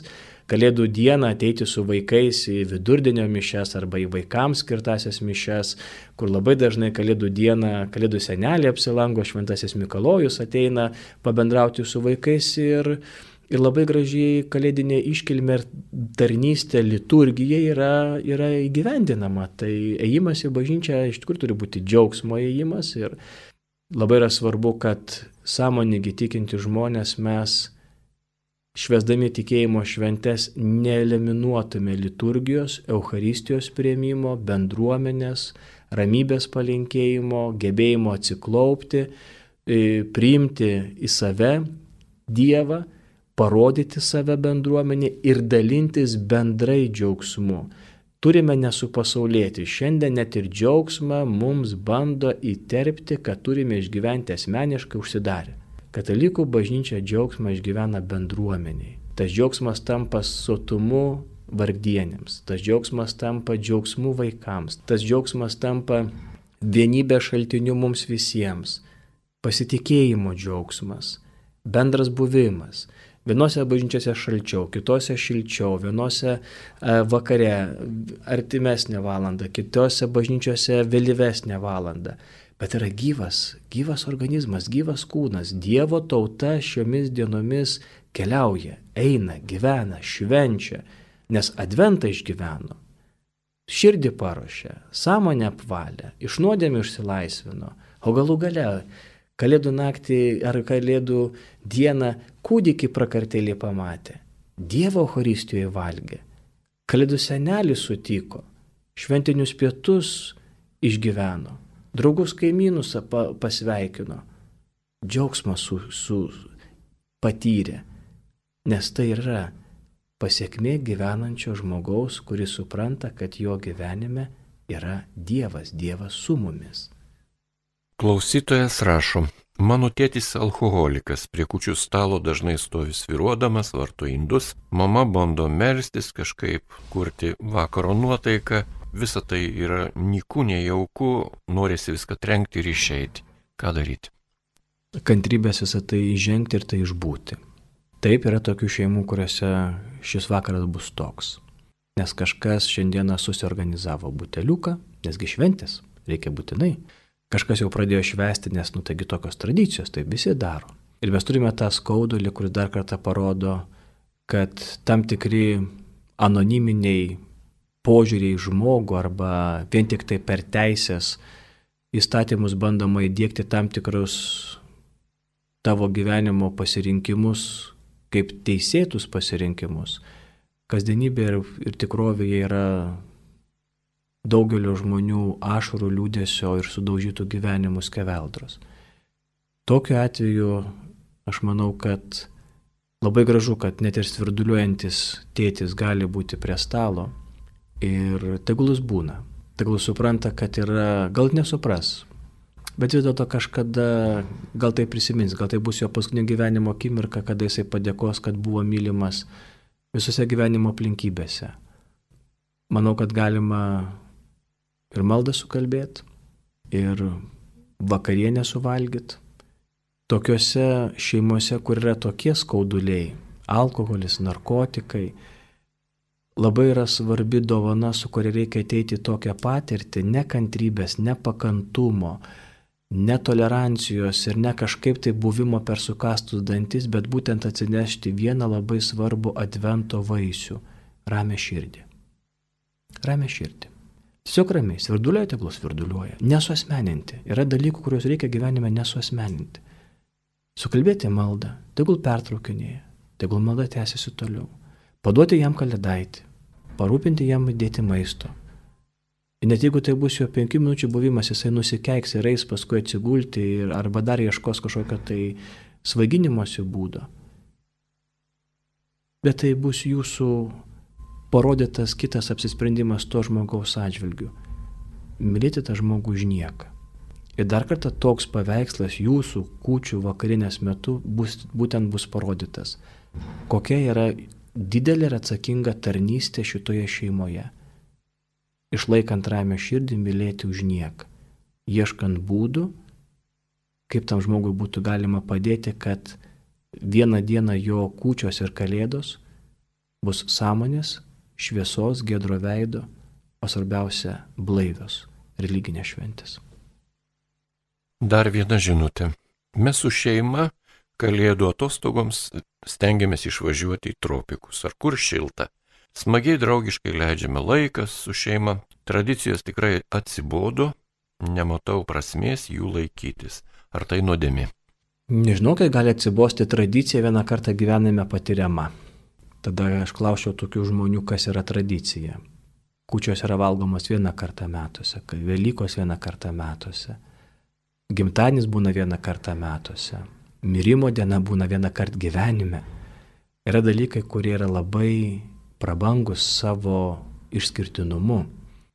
Ir nutraukti tradicijas tai arba ne būti pavargusiam nuo tradicijų, tai ar tu esi tų tradicijų vergas, arba tu nesupranti šitų dienų turinio, arba tada tokios dienos yra paprasčiausios atostogų ir laisvalaikio dienos. Taip, Atostogų metu labai smagu yra keliauti. Atostogų metu visiems mums labai smagu pabūti užsienį. Aš irgi labai mėgstu tą padaryti. Gerai pavalgyti, išsimegoti, pabūti kur šilta. Nuostabu. Nueiti į kavinę arba restoranus, valgyti skanius pietus vakarienę. Nuostabu. Laisvalaikiu ir atostogų metu tai yra labai geros patirtis. Jeigu man tai yra svetima, aš pavargstu nuo vieno karto metuose, Galbūt yra kažkokios žaizdos šeimoje, galbūt yra nesupratimas, galbūt yra nevertinimas. Ir tada labai gerai, kad aš tikrai gerbčiau tokie, tokius žmonės, kad jie nebeždžioniauja, jie tiesiog nevaidmainiauja ir savęs neprevartauja. Jeigu šita diena nieko tau nereiškia ir nieko tau nekalba, tai tu turbūt padarai patį geriausią sprendimą. Išvažiavai, palikai ir tu. Tai toks turbūt tavo santykis ir su valstybė, ir su tauta, ir su visuomenė, ir su kultūra, ir savo krašto tapatumu. Gal tai yra išsilaisvinimas ir pasaulio piliečio buvimas. Bet jeigu tai yra su turiniu, jeigu kūčių vakarą mano aplinkybės leidžia būti kartu, o galbūt mano yra šeima tokia, kad mes esame tikeli žmonės ir galime išvažiuoti šitomis dienomis į užsienį, bet mano paimtame krepšyje bus kalėdaitis, maldaknygė, rožinis, aš galbūt iš tikrųjų, būdamas ir užsienyje, jeigu mus, mes esame tik keli, yra žmonių, kurie neturi giminių, yra žmonių, kurie neturi daug giminių, yra žmonių, kurie neturi daug šeimos narių arba jie gali e, šitą dieną kūčią savo tautos tradiciją išgyventi ir patirti. Nu, gali būti taip, kad taip atsitiko, žmonės turi galimybę išvažiuoti, išvažiuoti pabūti užsienį, bet jeigu ten yra kūčių vakarienė, jeigu ten yra iš tikrųjų išlaikytos tradicijos, malda, E, pasninkiški patiekalai, jeigu einama e, į bažnyčią, nes Kalėdų naktį visose kad, Europos kraštuose katalikų bažnyčiose aukojamos mišios, ar Kalėdų dieną, jeigu aš išgyvenu tikėjimą ir savo kultūrinės tautinės tradicijas kitame krašte, tada viskas yra gerai.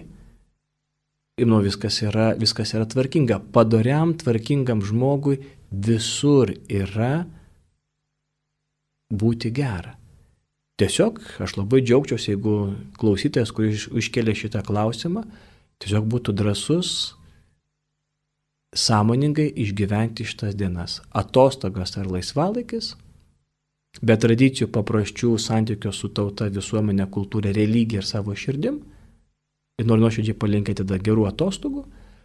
Arba tie žmonės, kurie iškeliauja į užsienį, bet jie, kaip ir minėjau, tik kartu keliauja su tuo savo tautiniu, religiniu paveldu, kultūra, malda, mišiomis, sakramentais, tai irgi labai džiaugiuosi, kad jie savo buvimu tampa liūdėjimu ir pranašystė mūsų tautos, mūsų kultūros, katalikų bažnyčios Lietuvoje tradicijų ir papročių liūdėjimu, puoselėjimu ir parodymu, kuo mes galime didžiuotis ir kas mūsų krikščionišką kraštą Lietuvoje daro savitų, unikalių turinčių savo veidą, savo charakterį, savo tradicijas ir savo liaudės pamaldumą kito pasaulio valstybių kontekste.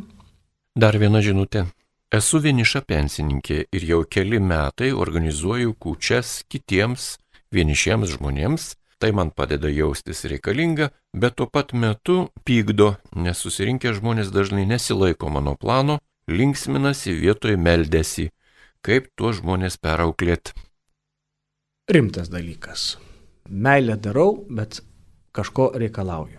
Ir manau, kad čia reikėtų truputuką savo širdelę pasikalbėti. Žmonės, kurie tokiu atveju ateina jūsų namus, ateina visi skirtingi ir kitoniški. Galbūt labai smagu būtų prieš tai su tokiais žmonėmis susitikti, skirti jiems dėmesio, ne paruošti vakarienę, ne tik tai sukviesti šį kūčių vakarą, bet juos palydėti į kūčių vakarą. Jeigu aš žinau, ką pakviesiu kučių vakarą, jeigu aš tam tikram žmonių skaičiui ruošiu vakarienę ir ką jūs jūsų namuose vienišių žmonės gali atrasti kučių vakarą vietos, tai manau, kad e, būtų labai gražu, kad tas advento laikas ir būtų jūsų graži tarnystė tiem žmonėms. Kalbėti, susitikti, padaryti kokią nors pokalbių dalyką apie kūčias, kad jie atėję žinotų ką. Bet iš tos pusės parodyti meilę ir reikalauti, kad laikytųsi mano plano, melstusi. Nežinau, aš būčiau vis dėlto linkęs labiau pasirūpinti tų žmonių širdimis per adventą, kad jie kučių vakarą peržengė mano namus lengsti ir atsisėdė jie prie paruošto vakarinės stalo, mes galėtume bent kelias akimirkas skirti maldai, džiaugsmui, vienas kito artumui ir tokiu būdu pagarboje ir vienybėje o paskui ir su džiaugsmu, ir su pakilę nuotaika praleisti šitas dienas. Dar viena žinutė. Vaikai atvažiuos kūčioms. Žentas yra labai pasipūtęs, jam viskas netinka. Kritikuoja, ką sakau. Kai melžiamės, demonstratyviai maivos ir ironiškai šypsosi, maigo telefoną. Norisi jam trenkti su podu per galvą tokiu metu. Nežinau, kaip priversti mylėti ir kaip susilaikyti nuo neapykantos. Hmm. Tradicinis dalykas. Ir manau, kad šiandien dabar taip pat dar atsidengia tie momentai, kai ar vaikai, arba jauna šeima visuomet turi tokią dieną išgyventi labai gilius vidinius apsisprendimus. Kai tenka keliauti pas vienus tėvus, pas kitus tėvus, tada prasideda tvarkarašių sudarinėjimai, kučios pas jūs, tai kalėdos tada pas mus. Ir tokiu būdu manau, kad čia irgi reikalinga sąmonė. Kūčių vakarą prie stalo turi susirinkti tie, kurie ateina laisva valia. Ir čia turbūt mums vyresniesiems arba tėvams, kurie turite vaikus ir kur labai norėtumėte vaikus matyti kūčių vakarą, bet kučių vakarą susėda šeima, jūsų vaikai susitokia, jūsų vaikai turi savo gyvenimo žmogų, jie yra jau šeima. Tai kada jie valgė savo šeimos kūčias? Jeigu jų gyvenimas santokoje daugybę dešimtmečių yra pasmerktas tvarkaraščio dėsniams. Kūčias pas vienus, kalėdos pas kitus, tada Velykos pas vienus, kitą dieną pas kitus o jiems kada savo formuoti tradicijas, papročius, savo šeimos maldą, savo šeimos visą turinį. Aš jau būčiau labai, labai atsargus ir bandyčiau būti išmintingas, prašydamas būtent susituokusių žmonių namuose, jeigu jie dviese, dviese tai yra jų šeima. Kad jie iš tikrųjų perimtų tradicijas ir papročius ir patys pasirūpintų savo šeimos kūčiomis, kurios galbūt šiemet susituokusios, jiems yra pirmosios kūčios. Kalėdų dieną arba antrą kalėdų dieną galima aplankyti vienus tėvelius, kitus tėvelius ir tikrai pasidalinti tuo kalėdiniu džiaugsmu, kuriame bus tikras džiaugsmas, o nebus tam tikrų nuoskaudų priekaištų ar ką klausytoje mini tokio arogantiško elgimosi. Jeigu susirenkam kartu, būtų labai smagu, kad Tada būtų kelios šeimos, kurios susirenka kartu ir, ir praleidžia kūčių vakarą kartu. Tai ir trečias momentas, jeigu mėla klausytoja mini, kad maldoje atėjus vaikams vienas iš šeimos narių elgesi taip, tai tiesiog išlaikyti savo ritmą, išlaikyti savo maldą ir tiesiog tą ramios širdies ir kūčių vakarienės toje šeimoje primtos tvarkos laikymasis, turbūt yra tas nebilus sugėdinimas to žmogaus, kuris tiesiog šiandien nesuprasdamas tam tikrų papročių ir tradicijų ir ne visuomet yra iš piktybiškumo, o kartais iš nežinojimo ir neturėjimo tokios patirties, tiesiog tai paliūdyti. Irgi taip pat puikiai proga iki kūčio vakarienės pasidomėti, tai žmonėmis, kurie atvyks valgyti kūčių vakarienę arba net paprašyti savo dukters, kad jinai pasikalbėtų su, su savo sutoktiniu ir, ir tai būtų irgi evangelizacija, tai būtų pasiruošimas, nes kai kada žmonės taip elgesi, jiems atrodo natūraliai ir normaliai, ne iš blogos valios, o visiškai nesuprasdami to vakaro turinio, reikšmės, prasmės, nes Deja, bet jiems niekas apie tai nekalbėjo ir tokios elgsenos tiesiog neįskėpėjo kaip jų natūralaus elgimosi tokį vakarą, kuris yra vieną kartą metuose. Ar nėra nuodėmė bernelių mišioms važiuoti į kitą bažnyčią, ne į savo parapijinę? Mūsų parapijoje labai nuobodu, tamsoka, gėda pensininkė, o norisi džiaugsmo ir vaikai verčia, ar tai nenudėmi? Manau, kad labai gerai būtų ir turėtų būti, kad mes tokiamis šventėmis būtent lankytumės tą erdvę, kur yra mūsų kasdienybės erdvė. Negali būti nuodėmė dalyvavimas mišiuose vienur ar kitur. Tai jeigu yra tamsu, tai kodėl tada toj bažnyčiai yra tamsu, ką daro parapija, kad būtų šviesiau bažnyčiai. Jeigu gėda mačiučių choras, tai kodėl tu negėdė arba kodėl parapijoje parapiečių aktyvumas yra toksai neegzistuojantis, kad kažkas yra pakenčiama tik per sukastų dantis. Tai manau, kad čia ateitinė šventinis dalykas, bet ateityje pasižiūrėti, kodėl ir tokia yra parapija arba parapinė bendruomenė, o galbūt jinai yra natūraliai tokia, nes daugiau nėra, kas sudaro tos bendruomenės ar bažnyčios lankytojų, nes yra tik tokia ta parapinė bendruomenė. Tai čia būtų kitas dalykas. Bet jeigu kučių vakarą mes esmė svarbiausia, kad mes dalyvaujame liturgijoje, kad mes dalyvaujame mišiuose kad mes esame nestebėtojai, bet dalyviai, ateiname nepasibūti iš tradicijos, bet ateiname dalyvauti, nes priimam sakramentus, priimam Euharistiją, priimam Šventąją komuniją. Tai yra tas pilnas dalyvavimas religinėse šventėse ar apskritai liturgijoje. Tai jeigu tai yra viskas patiriama ir šiandien aš galiu su savo šeimos nariais apsilankyti vienoje ar kitoje bažnyčioje, kučių vakarą arba kalėdų dieną. Yra labai graži tradicija, kad per kalėdų laikotarpį daugelis žmonių bando aplankyti kiek įmanoma daugiau bažnyčių, kad prakartėlę pamatytų ar liturgijoje sudalyvautų, pasidžiaugtų tuo visų na, kultūrinių lobynų ir tai yra labai viskas gražu. Dalyvavimas mišiuose niekada nėra nuodėmė. Svarbiausia, kad aš dalyvaučiau, o nestebėčiau. Būčiau, o nevartočiau. Ir manau, kad yra esminis dalykas, nes būna toks keistas reiškinys sausakimša bažnyčia, o tik tai pusė trečdalio žmonių priima komuniją. Tai ką daro sausakimša bažnyčia? Jeigu kalėdų naktį bažnyčia po advento nepriima komunijos, tai ką daro ta sausakimša bažnyčia žmonių? ir kas tada kokią vertę turi nuostabus gėdojimai, ar labai daug šviesų sklina bažnyčia, jeigu sausakimša bažnyčia, kalėdų naktį arba Velykų rytą neina komunijos. Po advento ar po gavėnios, po rekolekcijų ir po išpažinčių, po raginimų ir maldavimų, po sąmoningo širdies paruošimo šventėms tu esi bažnyčioje ir jeigu neturi rimtų priežasčių, yra žmonės, kurie turi labai rimtų priežasčių ir aplinkybių, kurių, dėl kurių negali priimti komunijos.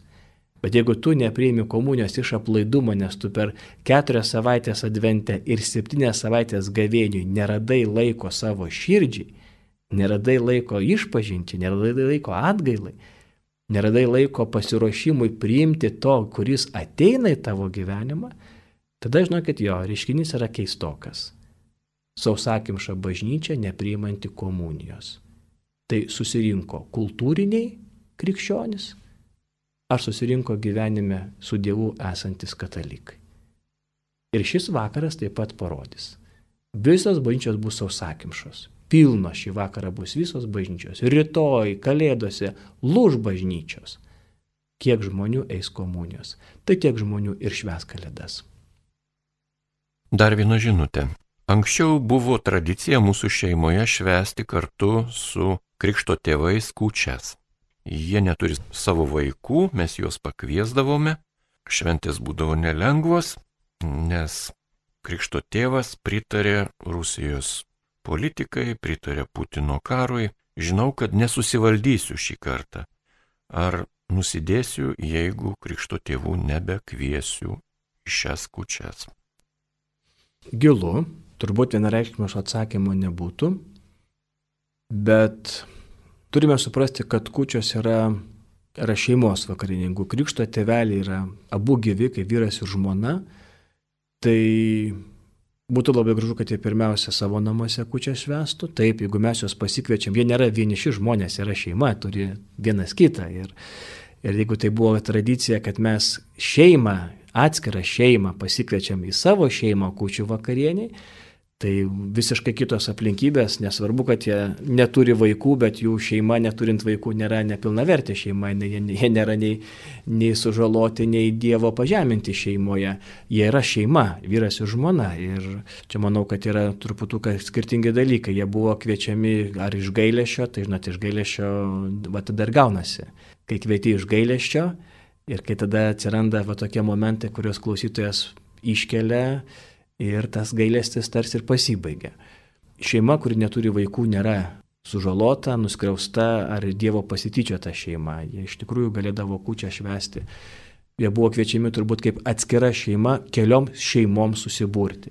Ir jeigu krikšto tėveliai iš to minimo atveju yra kartu, vyras ir žmona, Ir yra momentai, kurie dėja, bet ir tokiomis dienomis e, tampa labai aktualūs, tai ne tik tai pozicijos dabar vykstančio karo akivaizdoje, taip pat yra pozicijos dėl karantino, pandemijos, COVID, giminių, Santos Barbaros serialai, palikiminiai dalykai ir patinka, nepatinka, savas svetimas. Tai, tai yra mūsų, mūsų tautos dar kol kas santykių šaršalinė. Ir dėja, dėja, bet labai gaila, bet religinė šventė visuomet būna giminių ir, ir konfliktų priežastis, ir, ir, ir pakelto balso, ir sugadintų švenčių dalykas. Ir tai yra tie supuliai turbūt, kurie tokiomis dienomis tampa vis labai labai labai dar aštrus. Tai čia aš manau, kad tokiu atveju protingai pasikalbėjus su, su krikšto mama ir paaiškinus tas aplinkybės, kad vis dėlto arba turim sutarti kai kurių temų neliesti, bet tai bus rizikinga išlaikyti tą susitarimą, arba tiesiog iš anksto, manau, kad ne šiandien, ne kučių dieną šitą reikalą reikia tvarkyti, bet pasikalbėti su krikšto mama ir pasakyti, kad žinant, kad kuo gali baigtis šių metų kučių vakarienė, kuri taps ne šeimų susibūrimas, bet jau politikavimas, kur yra nei vietos, nėra tam nei, nei poreikio, galbūt tiesiog su gražiu kučių vakarienės arba kalėdinių pietų lauknešėliu aplankyti tą šeimą ir tiesiog, tiesiog, kad vyras ir žmona šiemet kučias vestų savo šeimoje. O jeigu jiems tai taps priežastimi pasikalbėti, kodėl šiandieną mes švenčiame kučias dviese, nors visuomet būdavome kitose šeimose ir jeigu tai taip taps priminimu, ar iš tikrųjų pateisinti šiandieninę tam tikrų asmenų politiką yra katalikiška, krikščioniška ir artimo meilės pozicija, tai galbūt irgi būtų labai rimtas liūdėjimas, kad katalikas ir krikščionis negali iš esmės pritarti veiksmams, kurių pasiekoja rašina vaikai safariniai žaisliukai ir taikiniai subombarduotų miestų gatvėse, su išpravartauto moterim ir tėvais negryžtančiais namo net ir švesti stačiatikių kalėdų, kai jie šves po poro savaičių. Dar kelios minutės liko mūsų laidos, o klausimų tikrai daug. Sunku atrinkti net. Gal vienas iš jų toks. Kalėdos man kelia didelį įtampą. Stengiuosi, kad viskas būtų tinkamai paruošta, stalui ir taip toliau, ir kad visi gerai jaustusi, bet po kūčių vakarienės man skauda galva, jaučiuosi tuščia ir nejaučiu jokių kalėdų džiaugsmo. Ką aš darau ne taip? Mandagaus atsakymo ir tikro reikėtų šitai klausytojui, bet tikro, manau, kad gali. viską daro ne taip. Nes pagrindinis dalykas, kad yra neįsiteikti ar įtikti, bet parengti ir būti. Labai yra svarbu ne tai, kas yra padėta ant stalo, bet kas atsisės prie šito stalo. Ir mes kartais galbūt užsikeliam tokius, tokias karteles, kurias mums parodo, kad mes esame įkaitai tam tikros suformuotos elgsenos, kuri tampa tik tai reklaminiu triuku. Ir dažniausiai tai yra bežioniavimas ir triukšmo kelimas. Labai šį vakarą ant kūčių stalo tiks tavo pats brangiausias, niekad gyvenime neišpakuotas senovinis vestuvinis servizas. Pakuok. Nes jis yra tik tai tau svarbus, niekam kitam. Ir jeigu tu nenaudosi to servizo dabar, tai kai jis liks, kai tavęs nebebus, bus tiesiog šūkės. Labai aneglutės tinka užpernykščiai žaisliukai. Nebeždžioniauk. Aš net nesižinau, kokios yra šiemet mados kalėdų. Buvo auksinės kalėdos ir juodos kalėdos ir sočios ir karališkos ir, ir prabangios ir ten visi verčiasi per, per galvą pagonis taip daro. Ant tavo eglutės labai tinka užpernykščiai žaisliukai. Šventinis drabužis yra tavo labai geras spintoj rastas, paprastas tavo mylimiausias drabužis. Jis yra puikia šio vakaro pošmena. Viską, ką tu turi namuose, yra unikalu ir tinkama paširuošti šio vakaro kūčių iškilmę ir kalėdų džiaugsmą. Akcentai yra šiandieną kiti. Akcentai yra santykis, malda, buvimas, širdies ramybė, džiaugsmas, kad esame kartu, gebėjimas vienas kitam išreikšti savo artumą ir padrasinti. Tiesiog reikia nusiraminti. neįsterikuoti ir neužsikelti neįgyvendinamų dalykų. Jeigu kūčių vakarinė arba religinė šventė kelia įtampą, galvos skausmą ir žmonės laukia, kad kuo greičiau šitos šventės pasibaigtų, tai tu viską darai ne taip. Nes tas, kuris žino, ką jisai daro, kuris deda akcentus į kitus momentus, jisai mėgaujasi ir džiaugiasi ne tobulumu, bet žmogiškumu, paprastumu, tikrumu. Šeimoje, namuose, su tais įrankiais, su tais indais, su špernykščiais žaisliukais, su paprastu drabužiu, bet su labai turtinga širdim.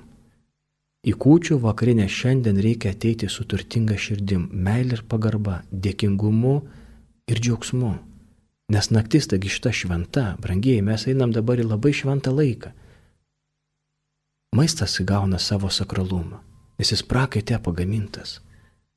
Kaip gali tau te, kelti e, galvos skausmą nuovargis? Reiškia, tu rūpinaisi įtikti ir įsiteikti O tavo kur širdis, kur tavo sąmonė, kur tavo buvimas šitą šventą kučių vakarą arba kalėdų dieną, kur tu? Tai tiesiog noriu nuoširdžiai palinkėti nesupasaulėt, sudėlioti savo akcentus ten, kur yra reikalingi, išgyventi labai giliai kūčių vakarienę, be triukšmo ir be to chaoso, ką šiandien pasaulis labai arba Lietuvoje labai keliama, Nes kažkas yra labai sudėlizuota, viskas turi būti labai tobulai, idealu. Ne, santykiai yra žmogiški. Nėra tobulų šeimų, nėra tobulų santykių, nėra, nėra e, niekada neprisvilančių puodų, keptuvių, maisto ar neiškilusio pirago krosnė. Aš pats esu vyrės, puikiai tą dalyką žinau. Viskas šiandien turi būti labai tikra, nuoširdu, paprasta, būtiška, kasdieniška labai asmeniška, kaip tik tai iš to šeimoje. Jeigu yra tušia širdis, taip, aš jūs labai užjaučiu, ten bus jums sudėtinga. Bet jeigu yra akcentai kitur sudėti, kad Dievas yra su manim, kad yra svarbiau ne kas ant stalo, kas aplink stalą, kas svarbiau paruošti kalbą, pasakyti, atsiprašyti, iš tikrųjų atleisti, iš tikrųjų apsispręsti už tą žmogų. Ar tėvą gerinti, kuris šiandien stovės prie kučių stalos virduliuos ar nemylimą žentą, kuris maigis telefono mygtukus, jeigu šiandieną aš juos visus mylėsiu ir apsispręsiu už juos, kad jie mano yra ne tik gyvenimo kryžius, bet ir mano šventumas ir mano išganimas, jie yra mano gyvenimas. Nudėja jie. Ir jeigu aš už tai viską apsispręsiu, Kalėdų naktį būdamas bažnyčia arba kalėdų dieną ateidamas į bažnyčią arba tvarkydamasis po šventinės vakarinės ar pietų savo būti, įrankius, ir lėkštutes, aš pajusiu labai didelę širdies ramybę, aš viską gerai padariau, aš padariau, kad jie suprastų, kaip aš juos myliu. Ir manau, kad šiandien kūčių dieną, naktį ir kalėdų laikotarpį yra tas pats pagrindinis akcentas. Aš viską gerai padariau, kad jie žinotų, kaip aš juos kiekvieną myliu. Dėkojame Jums, gerbiamas kunigė Richardai, už paukotą šį kūčių ryto laiką ir jūs skiriate tam laiką sąmoningai ir prasmingai, ar patiko šie klausimai? Taip, labai patiko. Tikiuosi vėl kada nors atsisėsti prie šio mikrofono ir panagrinėti kitų temų klausimus. O kokio klausimo nesulaukėte, o norėjote, kad būtų užduotas? Ar yra tokių klausimų? Ne, tai yra labai kasdieniai klausimai, kuriuos visą advento laikotarpį kasmet ir kasmet aš girdžiu ir dėl to Dėl to tai yra įprasti turbūt šiam laikmečių klausimai, kurie buvo apimantis visą tai, kas yra reikalinga giliai išgyventi šį vakarą ir kalėdų šventes. Labai dėkojame Jums, mėly radio klausytojai, už užduotus klausimus, taip pat dėkojame ir kunigui. Ir, na, laidos pabaigai gal trumpą maldą ar palaiminimą tiems, kurie šį laiką, dviejų valandų laiką, šią laidą buvo kartu ir ruošė, rengė savo artimiesiems kūčių vakarienę bei šventų kalėdų iškilmę. Nuoširdžiai meldžiu visą gali viešpati Dievą palaiminti kiekvieną šeimą, kuri netrukus šį vakarą sės prie švento kūčių stalo. Palaiminti tuos, kuriems šios kūčios bus pirmosios, nes kažkas namuose turite mažai gyvąjį betliejų. Palaiminti tuos, kuriems šios kučios galbūt bus paskutinės gyvenime, nes gyvenimo našta, rūpešė ir lygos yra šiandieną labai stipriai mumise išreikštos. Palaimink viešpatie namus, kuriuose vėl trokštame praleisti savo metus. Palaimink mūsų santykius, kad vienas kitam būtume atlaužta kalėdų duona.